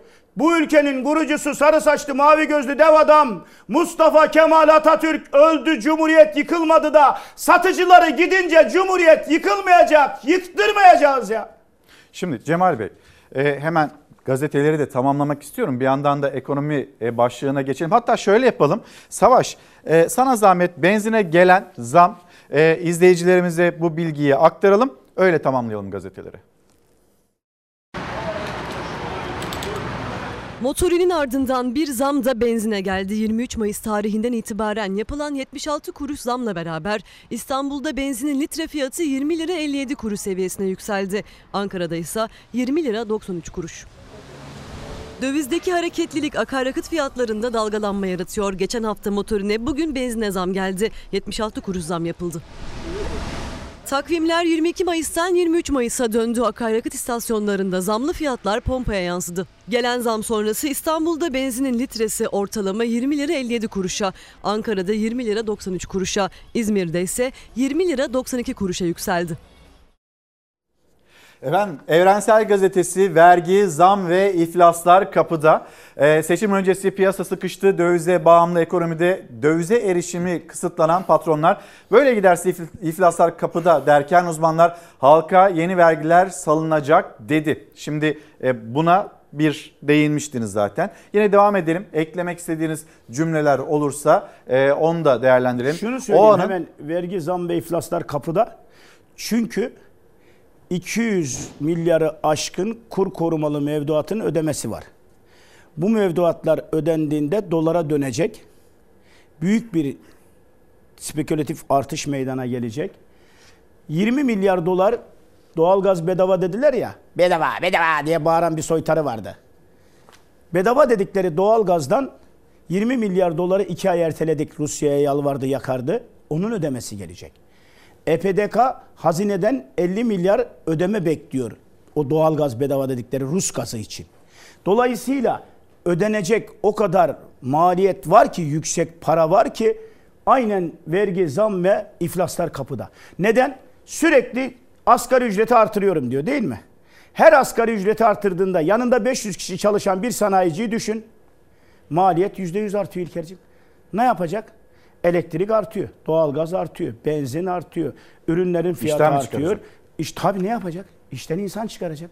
Başka nasıl kurtulacaklar? Dolayısıyla artık ülkeyi yönetemiyorlar. Recep Tayyip Erdoğan ekonominin kitabını ben yazdım diyor. Vallahi Hitit dilinde yazmış. Ne okuyabiliyor ne yazabiliyor. Yazına da yanına da bir tane gözüne baktığımızda boşluktan başka bir şey görmediğimiz bir adamı almış. Adam koyun etinin koktuğunu onun için yemediğimizi zannediyor. Zavallıya bak ya. Koyun Nurettin etini de Nebati çok severim ya. Nurettin Nebati gözüne bakınca bir şey göremiyoruz ya. Bomboş bir göz yani. Ülkeyi batırdı. Dolar artarken nereden arttı bu? Kim arttırdı la bunu Bakalım diyordum. mı dolara? Yani. Ee, dolar 19 lira 84 kuruş Ee, ama serbest piyasada 20 lira 61 kuruş. Euro 21 lira 46 kuruş. Serbest piyasaya kapalı çarşıya baktığımızda 22 lira 23. Siz bu rakamdan hiç euro, dolar hani böyle bir ticaret gördünüz mü? Alabilen gördünüz mü? Ya var bak gördüm anlatacağım şimdi. Gram altın için e, 1252 lira denilse de kapalı çarşıda 1386 lira gram altın. Bu ticaret gördüm. Şu an ihracat yapan herkes bundan dolayı o da iflasa gidiyor. İhracat yapıyor, yüzde kırkını bozduracağım diyor getirdiğin dövizin. Nereden bozduracağım diyorsun? Merkez Bankası'ndan. Merkez Bankası kaçtan bozuyor? 1.19.800'den. Tekrar adam ara mamul almak için ithalat yapacak değil mi? Evet. İthalat yaparken dolar gerekiyor. Doları benden alamazsın diyor. Git serbest bul diyor. Kapalı çarşıdan alıyor. 2 lira zarar. Zarar 2 lira 1 milyon dolarda ne yapıyor? 200 bin lira yapıyor. Adamın zararına bakar mısın? E peki Zarara yani bakar mısın? tablo böyle iken mesela iş dünyası, ihracatçılar onların Şimdi mesela sesi niye daha çıkmıyor? ilginç olan kişi altın ticareti yapacak. 50 kilo altını var kuyumcu. Altın da duruyor satmamış. Satsın satmasın ona vergi ödüyor. Bak satsın satmasın. Önemli değil satmadın diyor. Satarsa diyor ki parayı Merkez Bankası'na yatıracaksın diyor. E diyor ki Merkez Bankası'na yatırayım ama serbest piyasada bozdurursam altın 1386 lira diyor. Ben anlamam diyor. 1250 liradan getireceksin diyor. Yani her türlü iş adamı iflasa gidiyor. Bunun başka kaçarı yok. Bizi seyreden iş adamları istikrar dediniz. Reis dediniz. Pazartesi günden bu tarafa olanları gördünüz. Olacakları da görüyorsunuz. Bize gerek kalmadan biz sizin iş yerlerinize, fabrikalarınıza gelemiyoruz. Bizi çağıramıyorsunuz, çekiniyorsunuz iktidardan. Ama çalışanları uyarın. Kemal Kılıçdaroğlu'na oy versinler. Yoksa hep birlikte dizlerinize vuracaksınız ellerinizi ama iş işten geçmiş olacak. Karar Gazetesi manşeti ekonominin yol ayrımı Bir tarafta Nurettin Nebati, diğer tarafta Ali Babacan. Kurda istikrar sağladık, bütçedeki faiz yükünü düşürdük diyor Nurettin Nebati. Yalancı ya. Ne dediğine ne bakıyorsun ya? Bir dediği bir dediğine uymuyor. Sabahtan akşama ne dediğini bilmiyor ya. Ülkede diyor her şey güzel. 10 lira 25 liraya düştü. 10-25'e düştüğünde dolar. Demin söylediğim gibi. Kim düşürdü lan bunu? Nasıl oldu lan bu diyordu. Kime haberiniz var mı diyordu. Dolar 18'e çıktı. Sesi soluğu çıkmıyor. Sadece Merkez Bankası'nda. Ama film yine hep oraya sarıyor. Yani Nurettin Nebati sizin çok ciddi itirazlarınız var ama 14 Mayıs'ta seçmen de gitti ve işte Ya işte ne diyelim biz seçmenimiz bizden iyi Ali biliyor. Babacan Seçmene peki? kızma şansımız yok. Demek ki kendimizi anlatamadık İlker. Evet. Yani bu durumda Anlatamadık siz demek ki. kendinizi yani tam olarak biz, bizim de aslında tarif çıkıp edemediniz. Böyle videolarla mitinglerde göstermemiz gerekiyordu. Simit hesabı yapan Recep Tayyip Erdoğan'ı göstermemiz gerekiyordu. O simit videosunu alıp benim asgari ücretlim bu simidinden bu çayından yaşayamaz, geçinemiyor diyen Recep Tayyip Erdoğan'a şimdi simit bile alamadığını anlatmamız gerekiyordu. Anlatamadık demek. Ali Babacan hayat pahalılığı daha da artacak. Döviz kara borsaya düşecek değerlendirmesi yapıyor. Düştü bugün itibariyle. Suriyelileri, Suriyelileri Hayır, bugün itibariyle Ali. Babacan'ın söylediğini söyleyelim. Bugün itibariyle döviz kara borsaya düştü artık. Yani o aradaki makas dövizin kara borsaya düştüğünü gördük. Şimdi Sinan Oğan en çok sığınmacılar meselesine itiraz ediyordu. Ata İttifak keza öyle. E, İçişleri Bakanı Süleyman Soylu Suriyelileri göndermeyeceğiz diyor. Bu da yalancı ya. Bunların hepsi yalancı. Yani Ümit Özdağ ziyarete gittiğinde Numan Kurtuluş dedi ki 1 milyonunu göndereceğiz dedi. Recep Tayyip Erdoğan 1 milyonu göndereceğiz dedi. Bu Süleyman çıkıyor göndermeyeceğiz. Bu Süleyman zaten hükümetin aleyhine çalışıyor. Keşke 5 tane Süleyman olsaydı AK Parti kaybederdi zaten Recep Tayyip Erdoğan. Ama 14 Mayıs'ta Çünkü adamın işi çıkmadı. gücü yalan, işi gücü hayal. Yani Recep Tayyip Erdoğan Biden'la görüşmek için kapı kapı bekliyor. Bu çıkıyor diyor ki Amerika katil Amerika diyor. Seçimlerle Amerika ilgileniyor diyor. Eğer 14 Mayıs'ta Millet İttifakı kazanırsa diyor siyasi darbedir. Bunu Amerika yapar diyor. Bunun işi gücü böyle şov üzerinden siyaset yapıyor. Suriyelileri göndermeyiz. Niye gönderecek? Göndermez tabii ya. Bütün pis işleri Suriyeliler yapıyor. Bütün eroin kaçakçılığını Suriyeliler, Afganlar yapıyor. Dolayısıyla göndermez tabii. Çıkarı var bundan ya. Şimdi e, yine hani ekran karşısında evlatlarımız olabilir, gençlerimiz olabilir. Hani hiç bahsetmeyelim o kötü şeyden, e, maddeden. Devam edelim. Karar Kötü maddeden kaldıralım. bahsetmiyoruz da İlker'cim zaten bahsetmesek ne olur? Ankara Altındağ'da Afganlılar bu işi ticarete dökmüşler. Memleketin çocukları zehirleniyor. İlker senin benim çocuğum 15 yaşında şu an zehirleniyor ya. Bahsetmeyeceğiz diyerek bu çocukların hayatını karartmaya devam mı edeceğiz ya? Bir şekilde isyanımızı göstereceğiz ya. Millet duysun ya. 15 yaşına düştü uyuşturucu Özendirici kullanımı ya. olmaması anlamında söylüyorum. Ama olur mu Bir çocuklarımız yandan da. gidiyor elden ya. Sabah gazetesi manşeti 28 Mayıs'ta rekor oy alacağız dedi. Cumhurbaşkanı Erdoğan. E, Başkan Erdoğan yayınladığı mesajda net ifadeler kullandı. Millet 323 vekille iradesini beyan etti. İnşallah 28 Mayıs'ı milletimizin desteğiyle rekor bir oyla tamamlayacağız. Ya Erdoğan'ın işte yaklaşımı bu. 296 vekilden 296 vekilden 265'e düşmüş. %42 oydan %35'e düşmüş. 2018'de aldığı oyu artıramamış, seçimi kaybetmiş. 21 yıldır kazanan adam olarak seçimi ilk turda kaybetmiş. Şimdi 28 Mayıs'ta rekor oy alacağız diyor. Ben de milletimize sesleniyorum. Sizi düşünmüyor, kendini düşünüyor. Kazanırsa Kendi ne olur? O zaman son bir dakika kazanırsa ne olur Recep Erdoğan? Tayyip Erdoğan kazanırsa bu ülkede açlık, yokluk, sefalet büyüyerek artar ve gider. Recep Tayyip Erdoğan kazanırsa uzlaşma, uzman çavuşlar sözleşmeden kadroya geçmez. Recep Tayyip Erdoğan kazanırsa staj ve çıraklık mezunlarının şey, e, mağdurlarının derdi çözülmez. Recep Tayyip Erdoğan kazanırsa 2000 lira kademe diye bekleyen insanlar sorunlarını çözümünü unutsun. Recep Tayyip Erdoğan kazanırsa 300 binin üzerinde Temmuz ayında hapse girecek çek mağduru insanlar hapse girmeyi garantilemiş olur.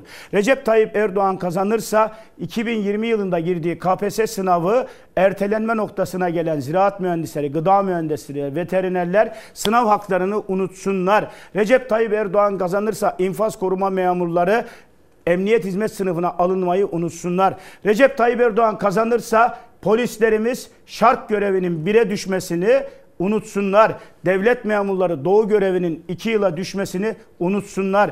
Alacakları 22 bin lira zammı unutsunlar. Recep Tayyip Erdoğan seçimi kazanmak için bol keseden vaat yapıyor. Tarzan zorda. Tarzan'ı tamamıyla zora sokmak için Tarzan'ın ipini keselim ki biraz dinlenmeye çekelim. Aksi takdirde ülkenin geleceği Hüdapar gibi zihniyetin 6284 sayılı yasayla kadınlara şiddeti serbest bırakmak isteyenlerin yönetimine geçecektir. O sebeple demokrasiye inananlar, cumhuriyete inananlar olarak 28 Mayıs'ta Kemal Kılıçdaroğlu'na destek verelim. Bu ülkenin kaderini hep birlikte değiştirelim. Cemal Engin Yurt teşekkürler. Kanter içinde bir yayını tamamladınız. Ee, teşekkür ederim geldiğiniz için. Çalar teşekkür Saati ediyorum. Demokrat Parti Genel Başkan Oyunu Yardımcısı. ver diyordun ya sen sabah onu paylaşmıştım ben de etiket Evet, bugün başlığımız Oyunu ver, oy verdi. kararını ver. Ben buradan hepinize sesleniyorum. Kürt kardeşlerim size teşekkür ediyorum. Kemal Kılıçdaroğlu'na büyük destek verdiniz. Allah razı olsun. Bu memleketin Kürdü, Alevisi, Lazı, Çerkesi kim varsa hep birlikte sandığa gidelim. Umudunuzu yitirmeyin. Kazanan biz olacağız.